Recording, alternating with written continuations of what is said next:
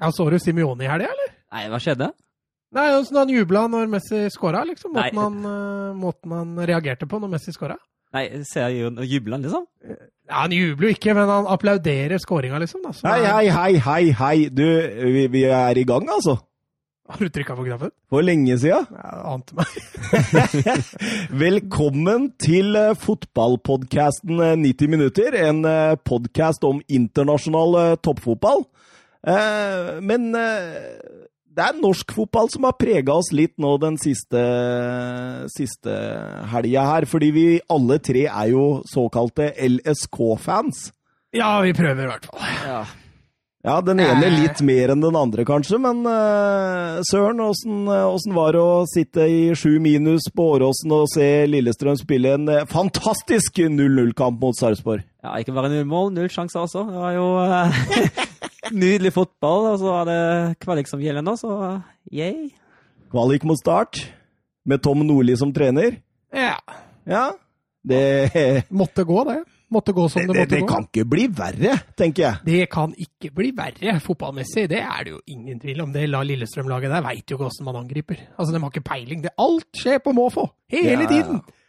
Og det er liksom sånn Ja, vi trener på å spille forsvar og prøve å ikke slippe inn mål, og så, og så ser vi åssen det går offensivt, gutta. Jeg tror nesten det er litt sånn Lennartson snakker med gutta før match. Altså. Absolutt. Og avstanden mellom ledda når vi har ball, det er skremmende. altså. Se hvordan Forsvaret står igjen på 35 meter der når vi, når vi har ballen ut på høyre kant.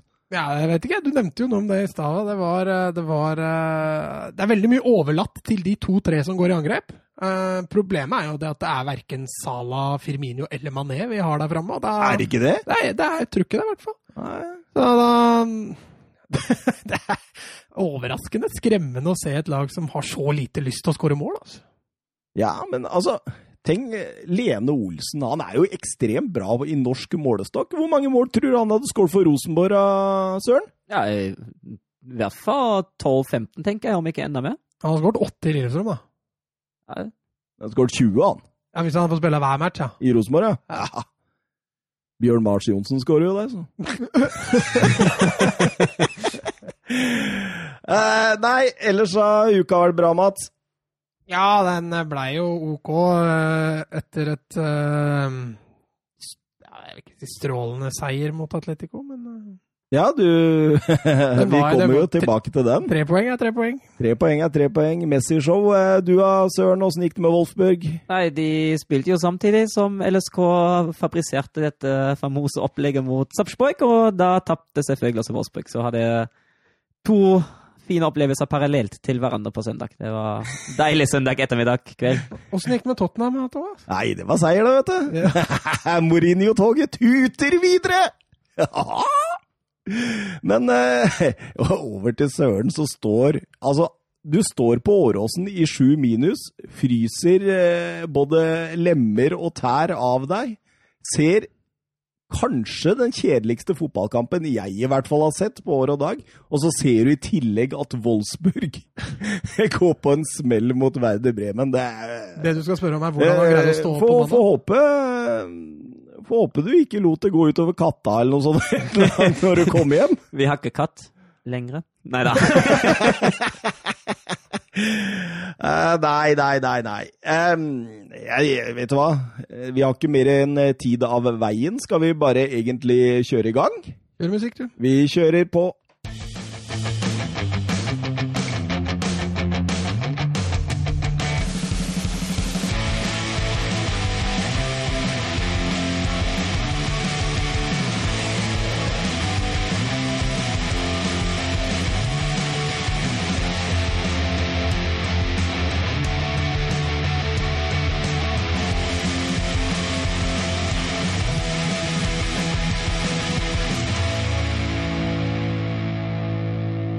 Da, ja da, ja da, ja da, ja da. Vi eh, går rett til eh, La Liga. Og vi går rett til eh, Alaves mot eh, Real Madrid, Mats. Ja, det var eh, ja, ikke topp mot bunn, men det var, eh, det var et Real Madrid i meget god flyt mot et litt haltende Alaves-lag. Eh, Alaves kjemper jo litt med ryggen mot veggen, men, eh, men har en liten luke ned til Nerik. Og, og Real Madrid de, de, tok en midlertidig serieledelse etter, etter seieren. Var vel best fra A til Å stort sett i den kampen der? Definitivt. Alaves yppa seg litt, men det var helt klart Alaves gikk der egentlig for å prøve å unngå å slippe inn mål så lenge som mulig. Og så håpe at de greier å skape noe på en overgang eller en dødball. og i mine øyne så blei det jo snytt for et straffespark eh, på stillinga 0-0 i første omgang der. Uh, han får helt klart et spark på rista der. Uh, straffesparket de får i andre omgang, det syns jeg er mer billig slaget. Så det er mulig det var to feil blir igjen rett. Ja, du tenker på eh, Ramos-saken? Ja, når han tråkker den på foten der. Ja. Jeg syns den var så grei ut. VAR var inne og titta, men de mente at det ikke var noe åpenbar feil. Så da, da tok jeg feil, da en, et Real Madrid-lag eh, med Gareth Bale, men uten, uh, uten Eden Hazard? Ja, Hazard fikk seg jo en smell i Champions League-matchen i midtuka, og er uh, mistenkt å være ute til uh, over nyttår, faktisk. Så du hva Marka skrev om Gareth Bale sin prestasjon i kampen? Nei. Det var litt funny. De, de skrev 'nothing, nothing, nothing' in whatever order. ja, den var fin. Den var, den var faktisk helt nydelig. Det, han, han, var ikke heldig, Søren. Nei. Men eh, det har han vel ikke vært eh, nesten hele sesongen? Eh. Nei, altså, han har hatt sine gode stunder, Gareth Bale, i år. Ja, jeg syns det. Jeg syns ikke han har vært noe Men han er litt kanskje som Søren tenker på, at han har variert veldig. Uh, vært litt ute med skade, og etter den hendelsen i Wales så har han jo fått uh, Om han ikke hadde de fleste imot seg, så har han i hvert fall det uh, nå så er det nok bare én vei for Bale å gå, og det er vel uh, ut av Madrid. Mm. Men eh, Ramos header inn 1-0 i regneværet der i, ute i annen omgang. Ja, veldig bra utført heading. Altså. Ja, fantastisk. Var, uh, men så lager samme Ramos straffespark rett etterpå der. Altså, Er det Ramos på godt og vondt der i løpet av 10-12 minutter, eller? Ja, det er jo det. Altså, Ramos er jo litt sånn hothead og blir veldig prega av situasjoner og sånn. Og det, det, har han jo vært hele tiden. Eh, stundens alvor. Da, da, kan du få hva som helst fra, fra Ramos. Eh, som jeg var inne på i stad, jeg syns akkurat den situasjonen der, så er det litt billig straffespark. Kan sikkert forsvares. Ja, Perez veit hva han vil der. Ja, utvilsomt. Han ja, ja. søker jo situasjonen. Eh, som jeg sa, jeg syns den i første omgang var klarere, så at det der til sammen blir et straffespark, er vel kanskje greit. Er vel kanskje greit. Eh, men eh, fire minutter etterpå, det var ikke lenge Alaves var i paradis før Carvahall følger opp der fint i boks. Ja, han putter inn en retur der. Litt, litt skuffa over Alaves, egentlig, at ikke de forsvarer boksen sin mye mer helhjerta i en sånn situasjon. Du har akkurat redusert mot et Real Madrid-lag hvor du egentlig har vært under press hele kampen, og så får du 1-1. Og 1-1 hadde jo vært et fantastisk resultat for Alaves. Og så er det altså to Real Madrid-spillere som faktisk er aleine altså når den returen kommer, og det, det, da blir det mål. da. Mm.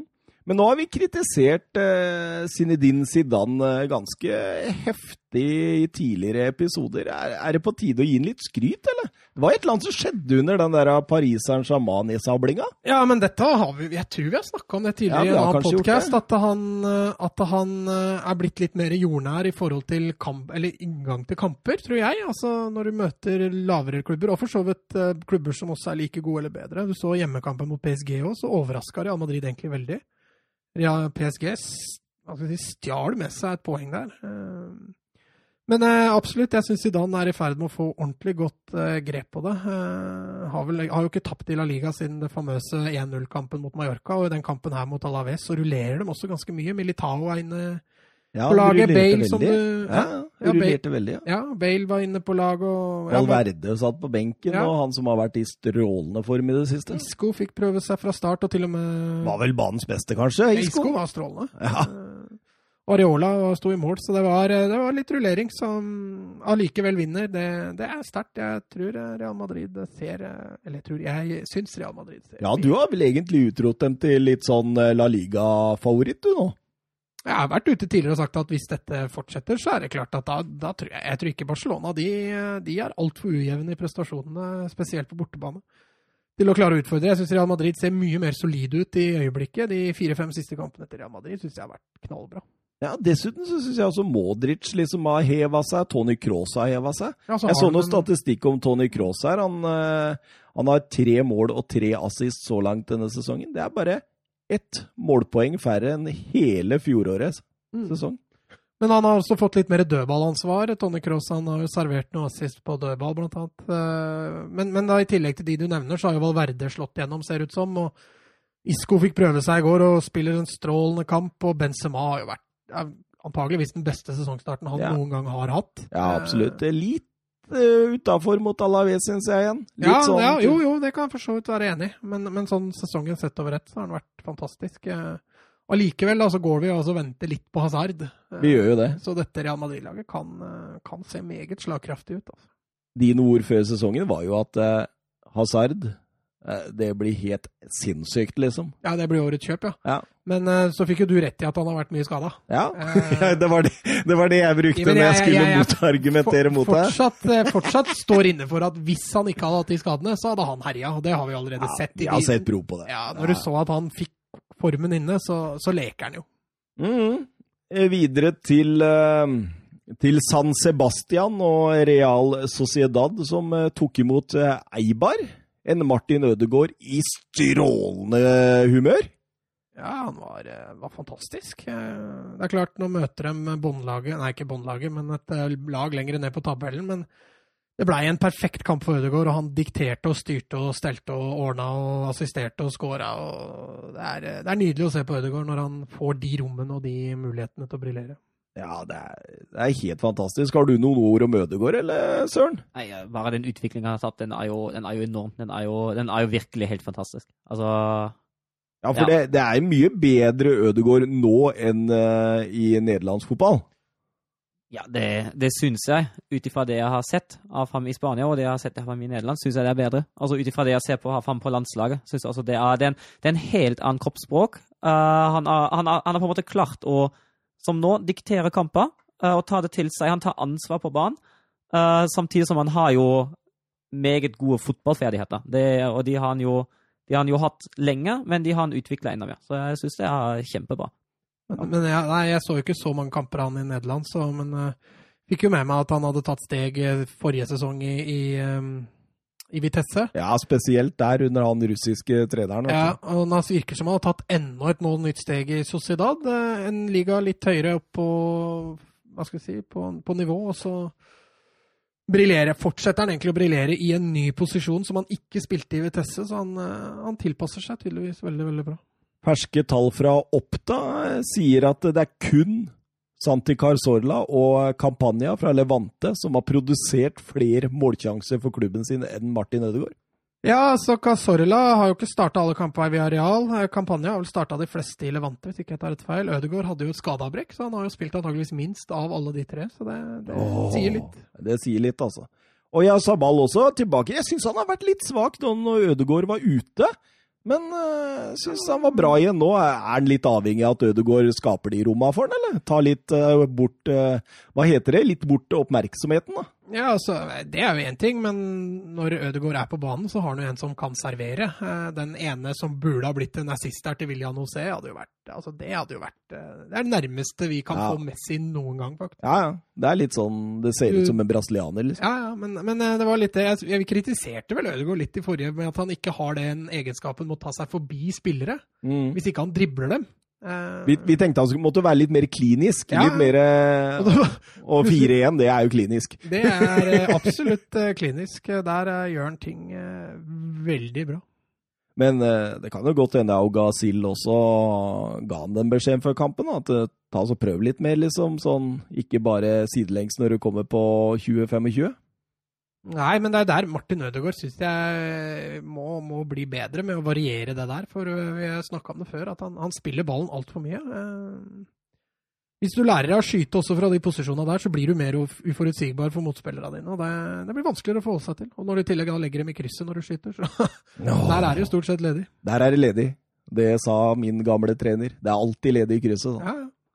Det er vel kanskje en klisjé i fotballen blitt. Ja, blitt. Eh, Fjerdeplass eh, på La Real nå, 26 poeng. A-poeng med Atletic og eh, poenget foran Atletico Madrid. Tre foran Valencia. Har vi noe tro på at dette fortsetter, eller klarer de å holde disse kanona bak seg? Altså, jeg tror på at det fortsetter, men at de skal greie å ende opp på topp fire, det tror jeg ikke ennå. Men, men at Sociedad ender topp seks, topp sju, det, det begynner jeg å føle meg ganske trygg på. Og så blir det veldig ålreit, eh, tenker jeg, for eh, La Real-fansen når eh, Subeldia kan muligens ta et par kamper på benker, og Iaramendi kommer tilbake. Ja, altså, Hvis jeg har sett et sted hvor skoen trykker, så er det kanskje ved plassen ved siden av Merino. Ja. Og så er det høyrebekken. Ja, absolutt. For Nachoman Real, han har virkelig løst Ja, venstrebekk-floka. Saldua på høyrebekk har, han synes jeg er svært lite givende offensivt. Han er en brukbar bekk defensivt, men et så offensivt sprudlende lag som Sociedad Hadde du hatt gode offensive bekker på begge sider der, så hadde du fått et helt annet aspekt eh, i angrepsspillet Mm. um, enn det de har nå. For, eh, for uh, Saldua han bidrar svært lite offensivt. William José med sitt sjuende mål. Det er den brasilianeren som har skåret mest mål i europeisk fotball så langt denne sesongen. Ja, Han, han, vi har jo kritisert den litt før, men ja, men altså, Vi har snakka om litt det at han må ha masse fòring i boks.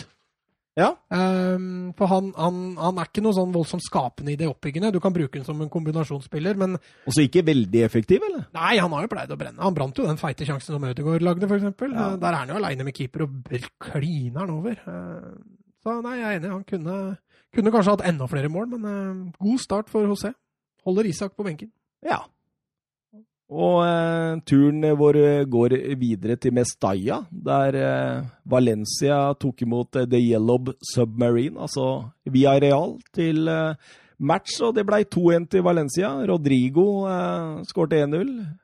André Angissa, som rykka ned med Fulham sist sesong, eh, ordna 1-1. Det er litt flaks her, hvor, hvor Godt gått brutt i forkant. Og så eh, litt flaks når han får med seg ballen. Men så kommer jo vår lille yndling Ferran Torres da på bakerste eh, rundt eh, er det ti minutter før slutt. Og klinker ballen i mål. Ja, altså, dette var en typisk Valencia-kamp. Eh, Villarreal styrer egentlig mye, syns jeg. Skaper også mest. Eh, men Straffebom med Moreno. Ja, den brenner jo blant annet en straffe. Eh, Men det er Valencia som strekker, trekker det lengste strået der, og skåringen til Rodrigo, den er klasse over. Eh, Angrepsspillet til, eller kontringen i forkant av Ferran Torres' sin skåring der, også meget bra. Visste du at han bare har to mål denne sesongen? Ferran Torres, ja. Nei, Nei, Rodrigo. Rodrigo? Ja, Snakker du om La Liga da? Ja. Han har jo ett i Champions League òg. Ja da, men jeg tenker på La Liga. Det er det Nei, det stemmer. med nå, vet. Eh. Han var jo litt han, eh, Men jeg veit aldri når du prater om totalt, eller kun en liga. Da sier jeg alle turneringer. Greit. Mm. Eh, nei, er, men han, er, du er enig i det, Søren? Ja. Ja, takk. Men eh, nei, Rodrigo, den skåringa han hadde der, var, den var fantastisk. Men uh, han har vært litt ute med skade denne sesongen. Har ikke spilt alle matchene. Uh, han er jo det soleklare førstevalget. Blitt sammen med Gomez når alle er skadefrie. Og Gameiro sitter på benk. Det gjør han.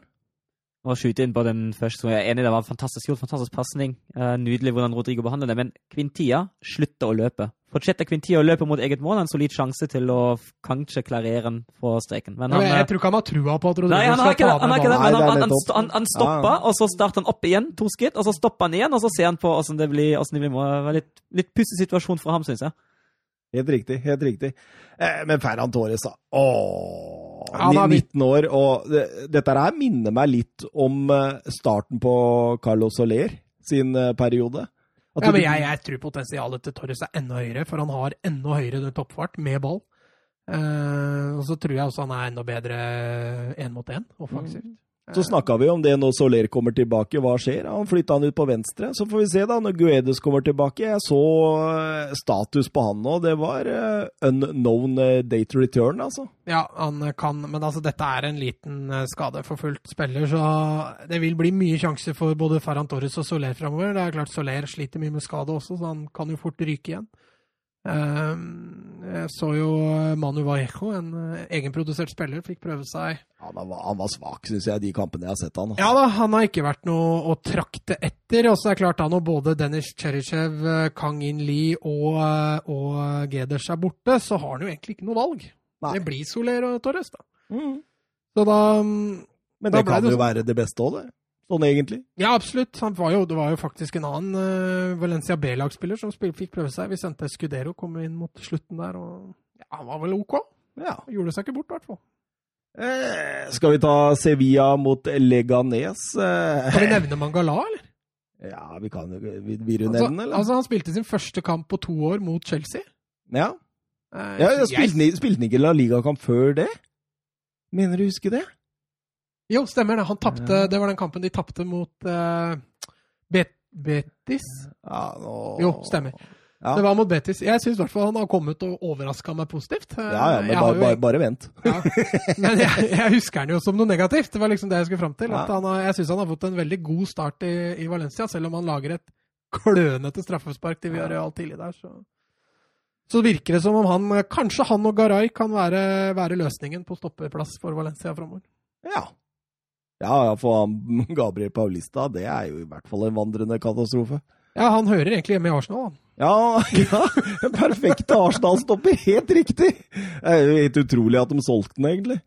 Eh, Sevilla Leganes 1-0. Diego Carlos skårer kampens eneste mål etter 63 minutter, der han kriger ballen i mål. Lopetegis tredje seier på rad. Ja, og nok en 1-0-seier. Eh, Valencia Nei, Sevilla var, eh, var det klart beste laget, men Leganes var farlig frempå. Blant annet et nydelig brassespark som strøk Ja, ja, stemmer, der. stemmer, det. Eh, Så Leganes kunne fort ha fått med seg en scoring der, men eh, det er selvfølgelig fullt fortjent at Sevilla vinner. Og dette Lopetegi-prosjektet begynner å ta skikkelig form. Jeg har ikke tapt en fotballkamp, Søren, siden 4-0-smellen på Kamp Nou, faktisk. 6. oktober. Så det begynner å bli en stund siden. Ja, det er bra jobba, det. Eh, expected goals jeg, jeg, måtte, jeg måtte jo sjekke denne når jeg så denne kampen, fordi det var jo Selv om du sier Leganes hadde en eh, mulighet eller to, men eh, det var jo Sevilla som kjørte kampen. og eh, Sånn i forhold til expected goals, da skulle Sevilla vinne i 3-1. Så du, du, er ikke, du er litt på ballen der når du sier at de burde kanskje ha hatt et mål. Ja, men dette har vi snakka om litt før òg. Denne Luke de Jong, han eh, Det løsner ikke. Nei. Det, Det gjør ikke det, dessverre, for, for Sevilla. Nå, han får jo fortsatt sjanser, og, og Hernandez, eller Chicharito sitter jo på benken hele matchen. Munir sitter jo på benken hele kampen. og Han velger heller å bytte inn unggutten Brian Gill for å gi litt som scora i Europa League i midtuka, faktisk. Så han er jo selvfølgelig en spennende spiller, men eh, de trenger litt sånn samme gata som Atletico Madrid. Forskjellen er at Sevilla holder nullen. Men, eh, men skal, vi, skal vi skryte litt av trekløveret bak der, eller Diego Carlos, eh, Jules Condé og Thomas Waklik? Ja, det kan vi godt gjøre. Carlos og Condé kom jo inn denne sesongen, begge fra, fra fransk liga. Nant og var det Bordeaux? Ja, eller? stemmer. Ja. Eh, Condé skrøt jeg jo av før sesongen, sa at dette kom til å bli strålende. Eh, Men han starta jo mye av sesongen på benken, og siste matchene så syns jeg han har vært strålende sammen med Carlos. Så det der eh, virker som et strålende stoppepar, og at Kjær ble leid ut, som jeg syns var litt rart, eh, Mm. det virker nå å være meget fornuftig. ja, absolutt. Eh, Helt utrolig, syns jeg, at jeg, jeg sjekka han Diego Carlos. Han står faktisk med null landskamper. Uh, utrolig at han ikke blir tatt med i Teachers tropp en eller annen gang, med tanke på de utfordringene Brasil no, har hatt i det siste, og spesielt da i Copa America nå.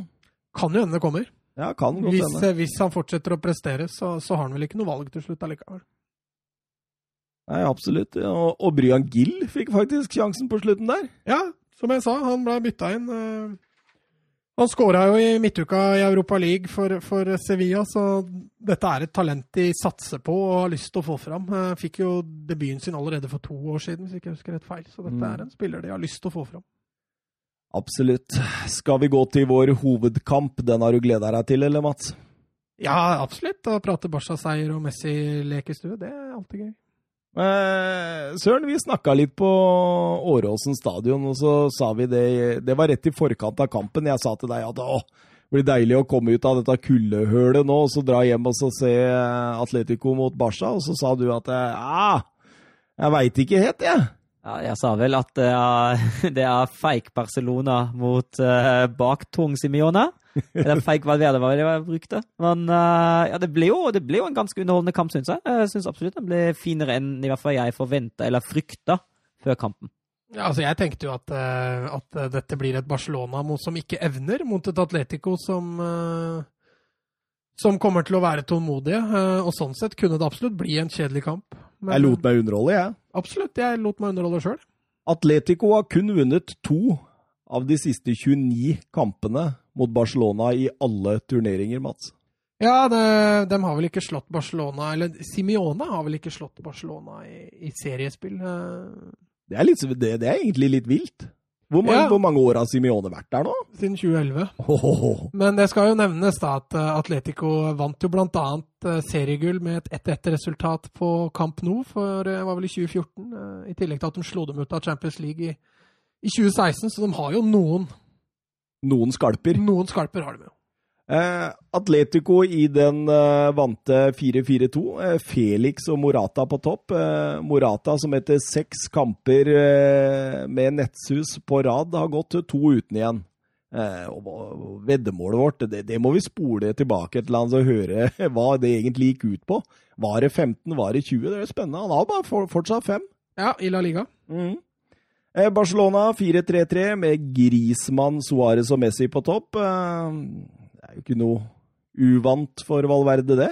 Nei, så lenge Dembélé er ute, så, så har han ikke så veldig mye valg. Eh, Ansu Fati får jo mindre og mindre tillit, så da, da er det de tre Ja, Hva som syns du om det? Nei, Jeg syns vel for så vidt det er helt greit at han velges ut til enkelte kamper og får spille og utvikle seg litt. Det er, er helt greit. Det er ikke kamper som Atletico Madrid hvor han skal inn og, inn og ta tak. Busquets med karantene, som gjorde at Rakitic gikk opp inn i, inn i den rollen.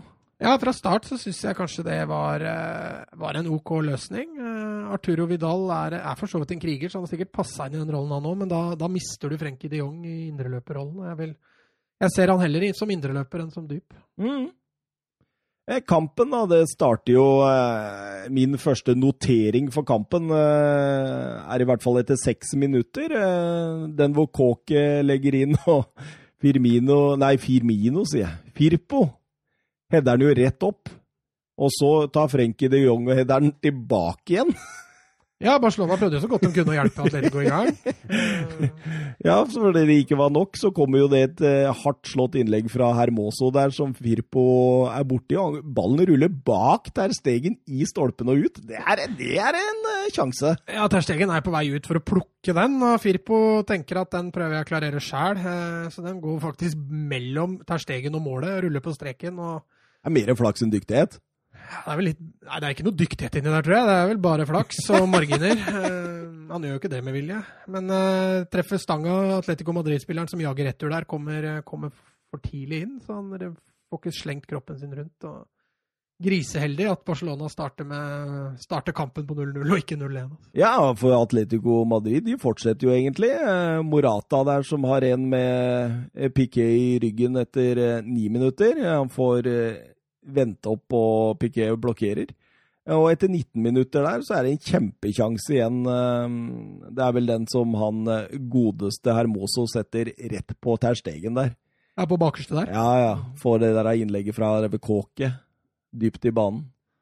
Jeg syns generelt Barcelona slet veldig mye med innleggene til Real Madrid, særlig den første halvtimen. Det var overraskende dårlig forsvart. Man fikk ikke klarert ordentlig, og det var som regel ble det ganske farlig da Atletico fikk, godt, fikk slått godt passerte innlegg. Ja, nettopp det. De sleit litt å, å forsvare seg eh, bredt, da. Ja, eh, men, men altså, Trippier var jo veldig god. Trippier altså, var han veldig villig. Altså, å være en offensiv back i en sånn kamp for Atletico, det tror jeg også er litt lett. Ja. Bare du står riktig og er med og bidrar offensivt, så, så får du mye ball. Men, eh, men Barcelona sleit også med å, med å komme seg ut, for du så også at de, de, hver gang de slo langt altså Det har aldri fungert i Barcelona med Suárez og Messi på topp. De vinner jo ikke en eneste duell eller andre ball. Så Barcelona kommer seg ikke ut, og Atletico Madrid kan stå høyt og presse dem i godt og vel 30 minutter før Barcelona greier Du ser tendenser til at de spiller seg ut. og det, det går litt på mangel på, på vilje i midtbaneleddet til Barcelona med å få ball. Rakitic gang på gang vender opp rett i motspiller. Ja, Artur samme også. Artur, den var eh, Ja. helt ekstrem, faktisk. For der har han god tid, altså. Ja, det, altså det, det er litt sånn der, litt nonchalant og, og måte å spille seg ut på. Det, det behersker ikke Barcelona lenger, og de Nei, det er litt sånn ja, hva skal jeg si, ikke trist å se på, men, eh, men eh, det, er, det er noe grep som må tas i forhold til frispilling når de er, har et så høyt aggressivt press som Atletico har, for det, mm. det fiksa de ikke. Ja, absolutt. Jeg syns spesielt Hector Herrera var veldig god i det presset. Ja, han, eh, Ja, partiet òg syns jeg var nydelig. Ja. Men, men hele det offensive presset til Atletico der var Det var meget samkjørt, for du så også bekkene sto høyt der med Saul og Trippier og, og, og Felix og, og Morata stengte av så godt de kunne i midten. og det, Nei, de sleit med å finne ut av det. Mm. Og når eh, Barca får for en gangs skyld en sjanse, da må vi helt ut i 25. minutt. Så er det Rakitic som får den, da. Det er jo litt sånn uh... Ja, det er bra, bra Altså, det er kanskje noe av det beste Suárez gjør hele kampen der, når han hopper over ballen der. Er, den, er det en sjanse du tenker på? ja, ja, når Messi vinner ballen der. Ja, øh, og så er det nesten litt urutinert, vil jeg si, Rakitic, som velger å sklitakle, Ja, men, skuddskyte men, men, men det ser ut som den passer At han feilberegner innløpet på ballen. Jo, Sånn at ballen da- forsvinner jo litt fra han, så han må rett og slett hive seg for å, for å, for å skyte. Han burde kanskje heller holdt seg på beina og tatt med tilbake igjen. Ja, det er akkurat det Ja. jeg skulle fram til. da. Altså, han har jo veldig god tid der. Det er ganske langt til nærmeste Atletico-spiller, så selv om han da nesten blir stående med ryggen mot mål, så tror jeg han faktisk rekker å vende mot mål også. med... Og når du da har kroppen i balanse, så er det mye enklere å få til en god avslutning. Hva tenkte du på dette tidspunktet, Søren? Nei, jeg syns jo Atletico gjennomførte dette her veldig bra. Jeg syns uh, i likhet med Mats at Barcelona var skuffende så langt. Uh, og egentlig ja, heldig at Barcelona ikke ligger unna. Atletico hadde i hvert fall to kjempesjanser det har gått en halvtime, så da kunne det like godt ha blitt mål. Mm.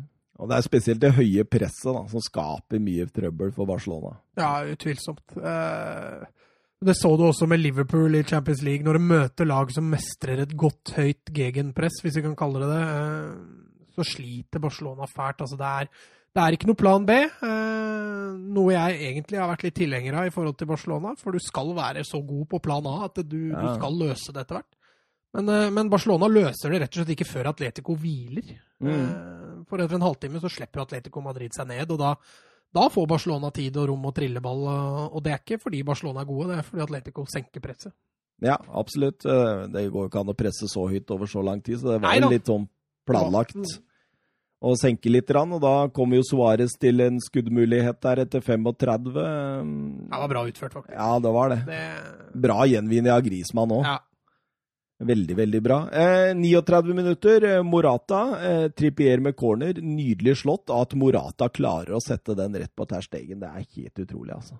ja men, eh, men for et, altså et markeringsspill på nivå med lillegutter, det var eh, Nå trodde jeg du skulle si Lillestrøm, Ja, nei, det, men, men, men det, det er ikke det verste. Markeringsspillet til Lillestrøm er ikke det verste. nei, men markeringsspillet der til Barcelona, det var ganske ille. Til lillegutter, Ja. ja. Ja, ja helt enig. Altså, han går opp helt aleine, og Piquet, som, har, eh, som da har en fri rolle på dødball, han feilberegner. Eh, mannsmarkering svikter totalt, og Morata har jo Det er helt utrolig at han ikke klarer å treffe noe annet sted enn til Ja, ja. stegen der. Men to minutter etterpå så skjer det samme i motsatt målgård, egentlig. Når Ja. Piqué får sjanse. ja, da er det Atletico Madrid som ikke har eh, telle, teller riktig, for da, da får han gå opp eh, overraskende aleine, og der hadde det blitt mål, så hadde det noen som hadde fått hørt i garderoben, altså, for sånt godtar ikke Simione. Nei, det, det skjønner jeg godt der, og der har de tur at ikke den eh, Han header ned i bakken, og Oblak er jo i nærheten av han, men uh, ville gått innafor, altså. Ja da, men det, men det er jo det at han er ganske upressa. Altså, Piquet er den desidert beste hodespilleren til Barcelona. og det er, hvis du først skal sette din beste hodespiller, så må du sette den på han. Eh, Så der blir det en tellefeil fra, fra Atletico. Morsom 0-0-omgang. Ja, det syns jeg. Jeg syns testegen er sterkt to ganger. Ja, de avslutningene kunne hatt bedre, men jeg synes fortsatt Han reagerer Han reagerer på skuddet til Hemme også. Det har gått inn uten reaksjon.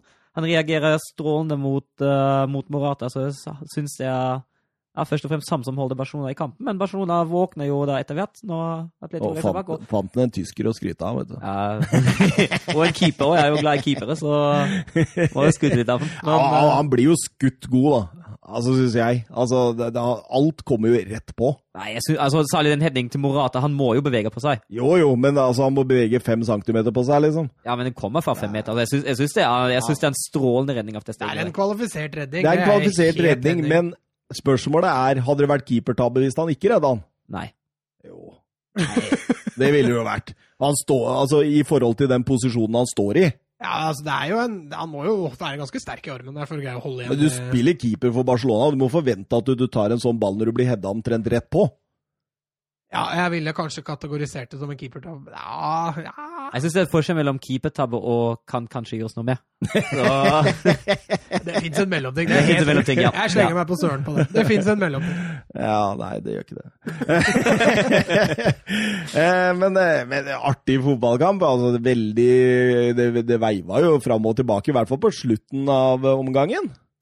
Ja, altså som, som jeg sa, så, så kom det som en konsekvens av at Atletico senka presset sitt. Eh, Barcelona fikk, eh, fikk bedre tid til å spille seg ut, og Atletico fikk jo da mer rom og i. Mm.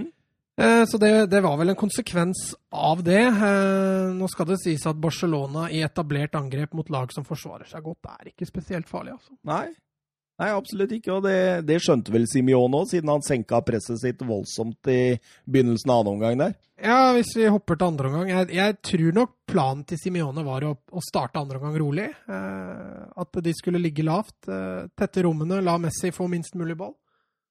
Eh, og det fungerte jo til tider veldig bra, men eh, Atletico ble jo, det ble mindre sjanse på Atletico i andre omgang enn, det ble i første. Ja, og flere Barcelona-sjanser, Ja da. Altså det er klart Når du legger deg lavt for Barcelona, uansett om du er flink eller ikke til å forsvare deg, så, så har Barcelona verdensklassespillere over hele linja. Og jeg syns jo de Jong for eksempel, har jo, har jo evnen til å gå av to mann og, og skape ubalanse aleine. Og det samme har jo Messi og, og Griezmann har jo det. Og... Ja, blant annet en Ballon d'Or-vinner fra gårsdagens scoring. Ja, absolutt. Jeg har sett det har vært en del diskusjoner på Twitter. Eh, Han begynte å presentere seg i kampen også, rundt sånn eh, 55-60 minutter. Tar til og med returløp, noe du har kritisert den voldsomt for. ja, men, men i de store kampene Mm. så har han en tendens til å ta et returløp eller Ja. tre i løpet av en kamp. Eh, Jeg husker også spesielt Tottenham-matchen Mm. på Wembley. Ja, det husker jeg. Når vi, den så vi sammen. Da var han helt enorm. Da løp han opp og ned. Jeg har aldri sett den så god, verken før eller siden. Nei, før har jeg sett den så god, ikke siden. Men eh, tilbake igjen. Ja, ja, sånn som i, går, nei, på søndagen, så, så så du litt den gnisten igjen, at denne matchen hadde han lyst til å vinne. Ja, absolutt. Eh, Begynner å røre på seg i Barcelona på denne tidspunktet her da. det, flere blir involverte, du ser dem få flytta litt høyere opp. Arthur begynner faktisk å spille en litt sånn rolle offensivt. Jeg syns han var veldig anonym i første omgang. Ja. Eh, Så det begynte å, å flyte litt bedre, og, og, og Messi kommer til et skudd der, Suárez til et skudd, og Barcelona har ekstremt mye ball. Eh, Så bytter Simione ut Joao Felix Til pipekonsert. til en enorm pipekonsert. Eh, Altså, han har jo bytta Felix ut eh, i andre kamper også, og det har vært litt sånn murring eh, hos Atletico-fansen når det har skjedd. Eh, de vil åpenbart se Felix på banen, men akkurat nå så kan det forsvares med at han har vært lenge borte fra skade. eh, Ja. Sånn at jeg forstår for så vidt det byttet, det er greit. Men han som kommer inn, der er det mørkt, altså. Han bidrar med nada. ja, det var nesten et rødt kort. det, Det, var, han endte nesten med, det toppa seg med det røde kortet der, faktisk. Eh, 68 minutter, Griezmann-volley. Eh, Barcelona kjører overgang. Eh, Messi eh, fører ball i høy hastighet. Eh, og det er både Vitolo og Herrera prøver jo bare å plukke den ned der. Ja. Smetter unna. det det er så gøy å se hvordan han Ja. jobber med å stå på beina. Ja, virkelig, liksom. Virkelig. Eh, ballen ut til Suárez der, så legger han eh, nydelig over til eh, Griezmann, som setter volleyen skyhøyt over. Han Ja, vel ikke landa ennå, tror jeg. Nei, så Messi gjorde jo et bak, løp på bakerste der. Han var litt oppgitt over at han ikke fikk ballen. Men jeg forstår godt Grismann prøver å lade kanonen der mot, mot gamleklubben, og så får hun sånn på hel volley. Det er klart. Det er fristende for en spiss å fyre av der. Ja, og så en liten nøkkelsituasjon 20 minutter før slutt der. Eh, Piquet og Morata. Morata har et eh, ekstra rykk som ikke Piquet het så. Eh, Piquet eh, druser den i bakken, la oss si det sånn, og eh, har allerede gult kort. Hva tenker vi om den, Søren? Jeg syns han er litt heldig. Kan forsvares å gi, å gi sitt andre gule der. Uh, så kan sikkert også forsvares å ikke gi det, men eh, jeg synes, altså, mitt første inntrykk der sånn var oi, da var, da var han litt heldig, faktisk. Jeg er ganske sikker på at han hadde fått gult kort hvis han ikke hadde hatt gult kort fra før Ja, Ja, den, eh, den eh, kunne fint ha vært forsvart hvis det hadde gitt gult kort der. Det er mulig dommeren ser at Piquet trekker til seg beina der. eh, Og forsvarer det med det, men, men det er høy hastighet inn. Han, han toucher vel borti Morata der også. og Morata gjør selvfølgelig maks ut av situasjonen, men han er nok litt heldig at han slipper det gule der. Ja, og rett etterpå så er det hælflikken til Morata der. Tenk om han hadde skåret den, da. Ja, stemmer. stemmer. Eh, Voldsomt trykk der etter hvert. Trippier avslutter også. Eh, Ja, altså det, det, det, det var veldig åpent. Du tenkte liksom at Men så tenkte man også her, første målet vinner denne kampen her. Men, men jeg må jo også si det at den, hvor dyktig Simione er på å legge og utføre kampplaner Ja. altså det, det, er, det er nesten Det er så vakker estetikk fotballmessig. Altså, Atletico spiller ikke sånn supervakker fotball, men, men, på måten ting utføres i forhold til planer og strategier og taktisk og sånn, så, så, er det nydelig å se på Atletico Madrid. Eh, og du ser det også i den matchen her. De starter høyt første halvtimen. Planen gjennomføres, de legger seg lavt siste kvarteret. Det gjennomføres til ståkarakter. Eh, starter første 60, eller første 20 da, i andre omgang med å ligge lavt. Det skjer, og så skal de begynne å presse høyere igjen mot slutten. Og det skjer.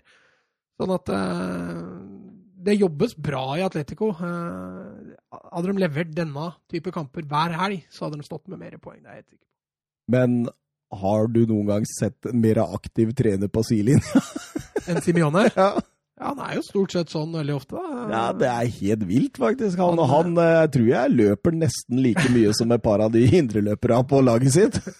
Nei, han, er en, han er en energiklump. Gjør et bytte også. Lemar inn, eh, Angel Korea ut, som hadde hatt en forferdelig kamp, egentlig. Ja, Angel Korea, vi har skrytt av han tidligere også. Han, han har hatt en bra sesong, til tross for at han prøvdes å bli solgt i Milan i sommer. Eh, Har levert varene i, i Felix Joao sitt skadefravær, som gjorde at han fikk prøve seg som kant i dag. Det var ikke på- like, på like Det ble ikke like hell. Han, han skaper ikke all verden, men han er jo god i det defensive, eh, som gjør sikkert at han får lov å spille. Han byttes inn med en LeMar, som er eh, egentlig helt usynlig. Ja. Og Valverde ansvaret med å hente inn Vidal. Ja. Da, hvem er det som gikk ut der igjen? Arthur, Arthur. Ja. Ja, Arthur. Eh, så kommer vi til situasjonen ved Vitolo og eh, Piquet. Eh, det, er, det er klink gult kort, mener jeg da. Ja, jeg også mener at det er klink gult kort. Der også er det faktisk nesten litt sånn oransje farge i, det- Ja. i det kortet. For eh, Piquet er klart først på ball. Eh, Vitolo treffer jo åpenbart kneet til Piquet der. Han må jo gå av banen. Så han blir, får seg jo en skikkelig, skikkelig trøkk. Men eh, jeg vet ikke, jeg tror ikke dommeren rett og slett turte å gi de andre gule der, etter den situasjonen med Piquet rett før igjen. Nei, det kan nok godt hende det var det som lå til grunn. Det hang nok litt psykisk for dommeren der, tror jeg. For det skal, han skal være ute der, eh, Søren. Ja, selvfølgelig. Eh, det er soleklart. Eh, Umtiti kommer inn, det nevnte du vel kanskje? For- Nei, jeg nevnte bare at Piquet måtte ut. Ja. Uh, Titi går inn der han spilte i Champions League i midtuka. Så Og så kommer skåringen. Mats, ta oss gjennom dette. Ja, Messi får ballen litt inn på Atleticos banehalvdel. Setter bare fart eh, ned mot hjørnet av 16. Eh, Partey, og det er vel er det eh, Renan Lodi som hadde kommet inn, som blir dratt av. Eh, spiller en vegg med Suárez forbi Thomas Partey der og, og legger den nydelig i hjørnet. Og det, har sett Messi gjøre det så vanvittig mange ganger. Så det Så du blir ikke like imponert som det jeg blir når jeg ser det? Jo, jeg blir jo imponert, selvfølgelig gjør jeg det, men jeg har sett det mange ganger, så det blir litt sånn Men jeg, jeg blei like imponert over, eh, over pasningen fra Suárez, jeg. Den, den er ikke veldig lang, men han er så godt vekta, og han er vekta altså, det er Veldig ofte så slår du de pasningene med 90 graders vinkel tilbake igjen, men her vekter den sånn at ballen går akkurat sånn perfekt for at Messi skal komme på den. Ja, da er du detaljert orientert, for den, eh, den lot ikke jeg meg imponere så mye av. Det, Nei, men bare, bare sjekk den en gang til. Det er vanvittig egentlig hvordan han liksom på en måte spiller den så elegant og, og, og veldig sånn det er, det er så silkemykt, da. Du ser liksom vurderingen som Messi tar der. da, altså Han er jo, han har, Partey, han har eh, Thomas Partey på, på sida si. Han kan, han kan fortsette å løpe der uten å spille Suárez, men det at han spiller Suárez, gjør at han faktisk da løper fire-fem meter uten ball. Og det gjør at han får en meter på, på Partey, og det er egentlig hele forskjellen på den skåringa. Og da klarte ikke Simione å svare. Nei, det, som vi snakka om når du gikk på her, sånn, så, så applauderte Simione Messi-skåringa der. Det var et herlig video. Ja, Var det det dere snakka om, Søren? Ja, det var det vi snakket om. Det var en herlig reaksjon fra, fra Simione der, og viser også god, egentlig god sportsånd, der hvor han lever seg veldig inn i situasjonen og nesten takler Messi sjøl i affekt der. Men eh, når han ser ballen går i mål, så bare stopper han opp og applauderer og går og setter seg. Så han, eh, Ja, men du, du ser kroppsspråket han er, så er litt sånn sånn Ja, selvfølgelig. ja. Ja, selvfølgelig, liksom. Ja, nå, nå la jeg en perfekt kampplan. Dette skulle jo bli poeng. Og så var det én som dukka opp og gjorde forskjellen. Ja, altså Han sa det etter kampen òg, Simione, at uh, han var ikke så bekymra for poengfangsten. Han var mer bekymra for, uh, for uh, at det ikke blir skåret nok mål. og det er, kan jeg være enig i. Blir det Mm. skåret flere mål der, så kommer poengfangsten av seg sjøl. Ja, men ser du det for deg? Det er Morata vi snakker. Det er en uh, Diego Costa totalt ute av form. Altså, det er en Felix som er varierende som uh, Frode Kippe i glansdagene. Ja, altså De trenger én spiller til som løsner litt. Altså En Morata som har skåra fem-seks mål til nå, det, det er jo litt OK. Han har ikke spilt alle kampene. Men i fjor hadde de Grismann, ja. som ordna en assist eller en scoring hvis de trengte det. I år så har de ikke det. Nei, altså, så tenker jeg liksom Messi er garantist for 20 pluss. eh, Benzema ser ut som en garantist for 20 pluss. Grismann var det. Ja, ja, ja. Men han ser jo Han ser, jo Nei, Han ser ut som en garantist på man- fem pluss. Ja, man kan jo ikke spille ut på venstre der, altså. Uff. Jeg syns det er litt trist å se på han, egentlig. Mm. Eh, skal Han, vi var, han var litt på i den matchen her, da. Ja, jeg synes han løper og jobber, men det ja, er vel- ja, jo, jo, men det kan du ikke ta fra han. Ene og alene pga. at han møtte gamle Lakovic. Litt av en eh, pipekonsert han fikk i starten der. Det var Bale 2.0. Ja. Det er Bale. Punkt 2-0. Ja, Ja. du gliser sjøl. Ja.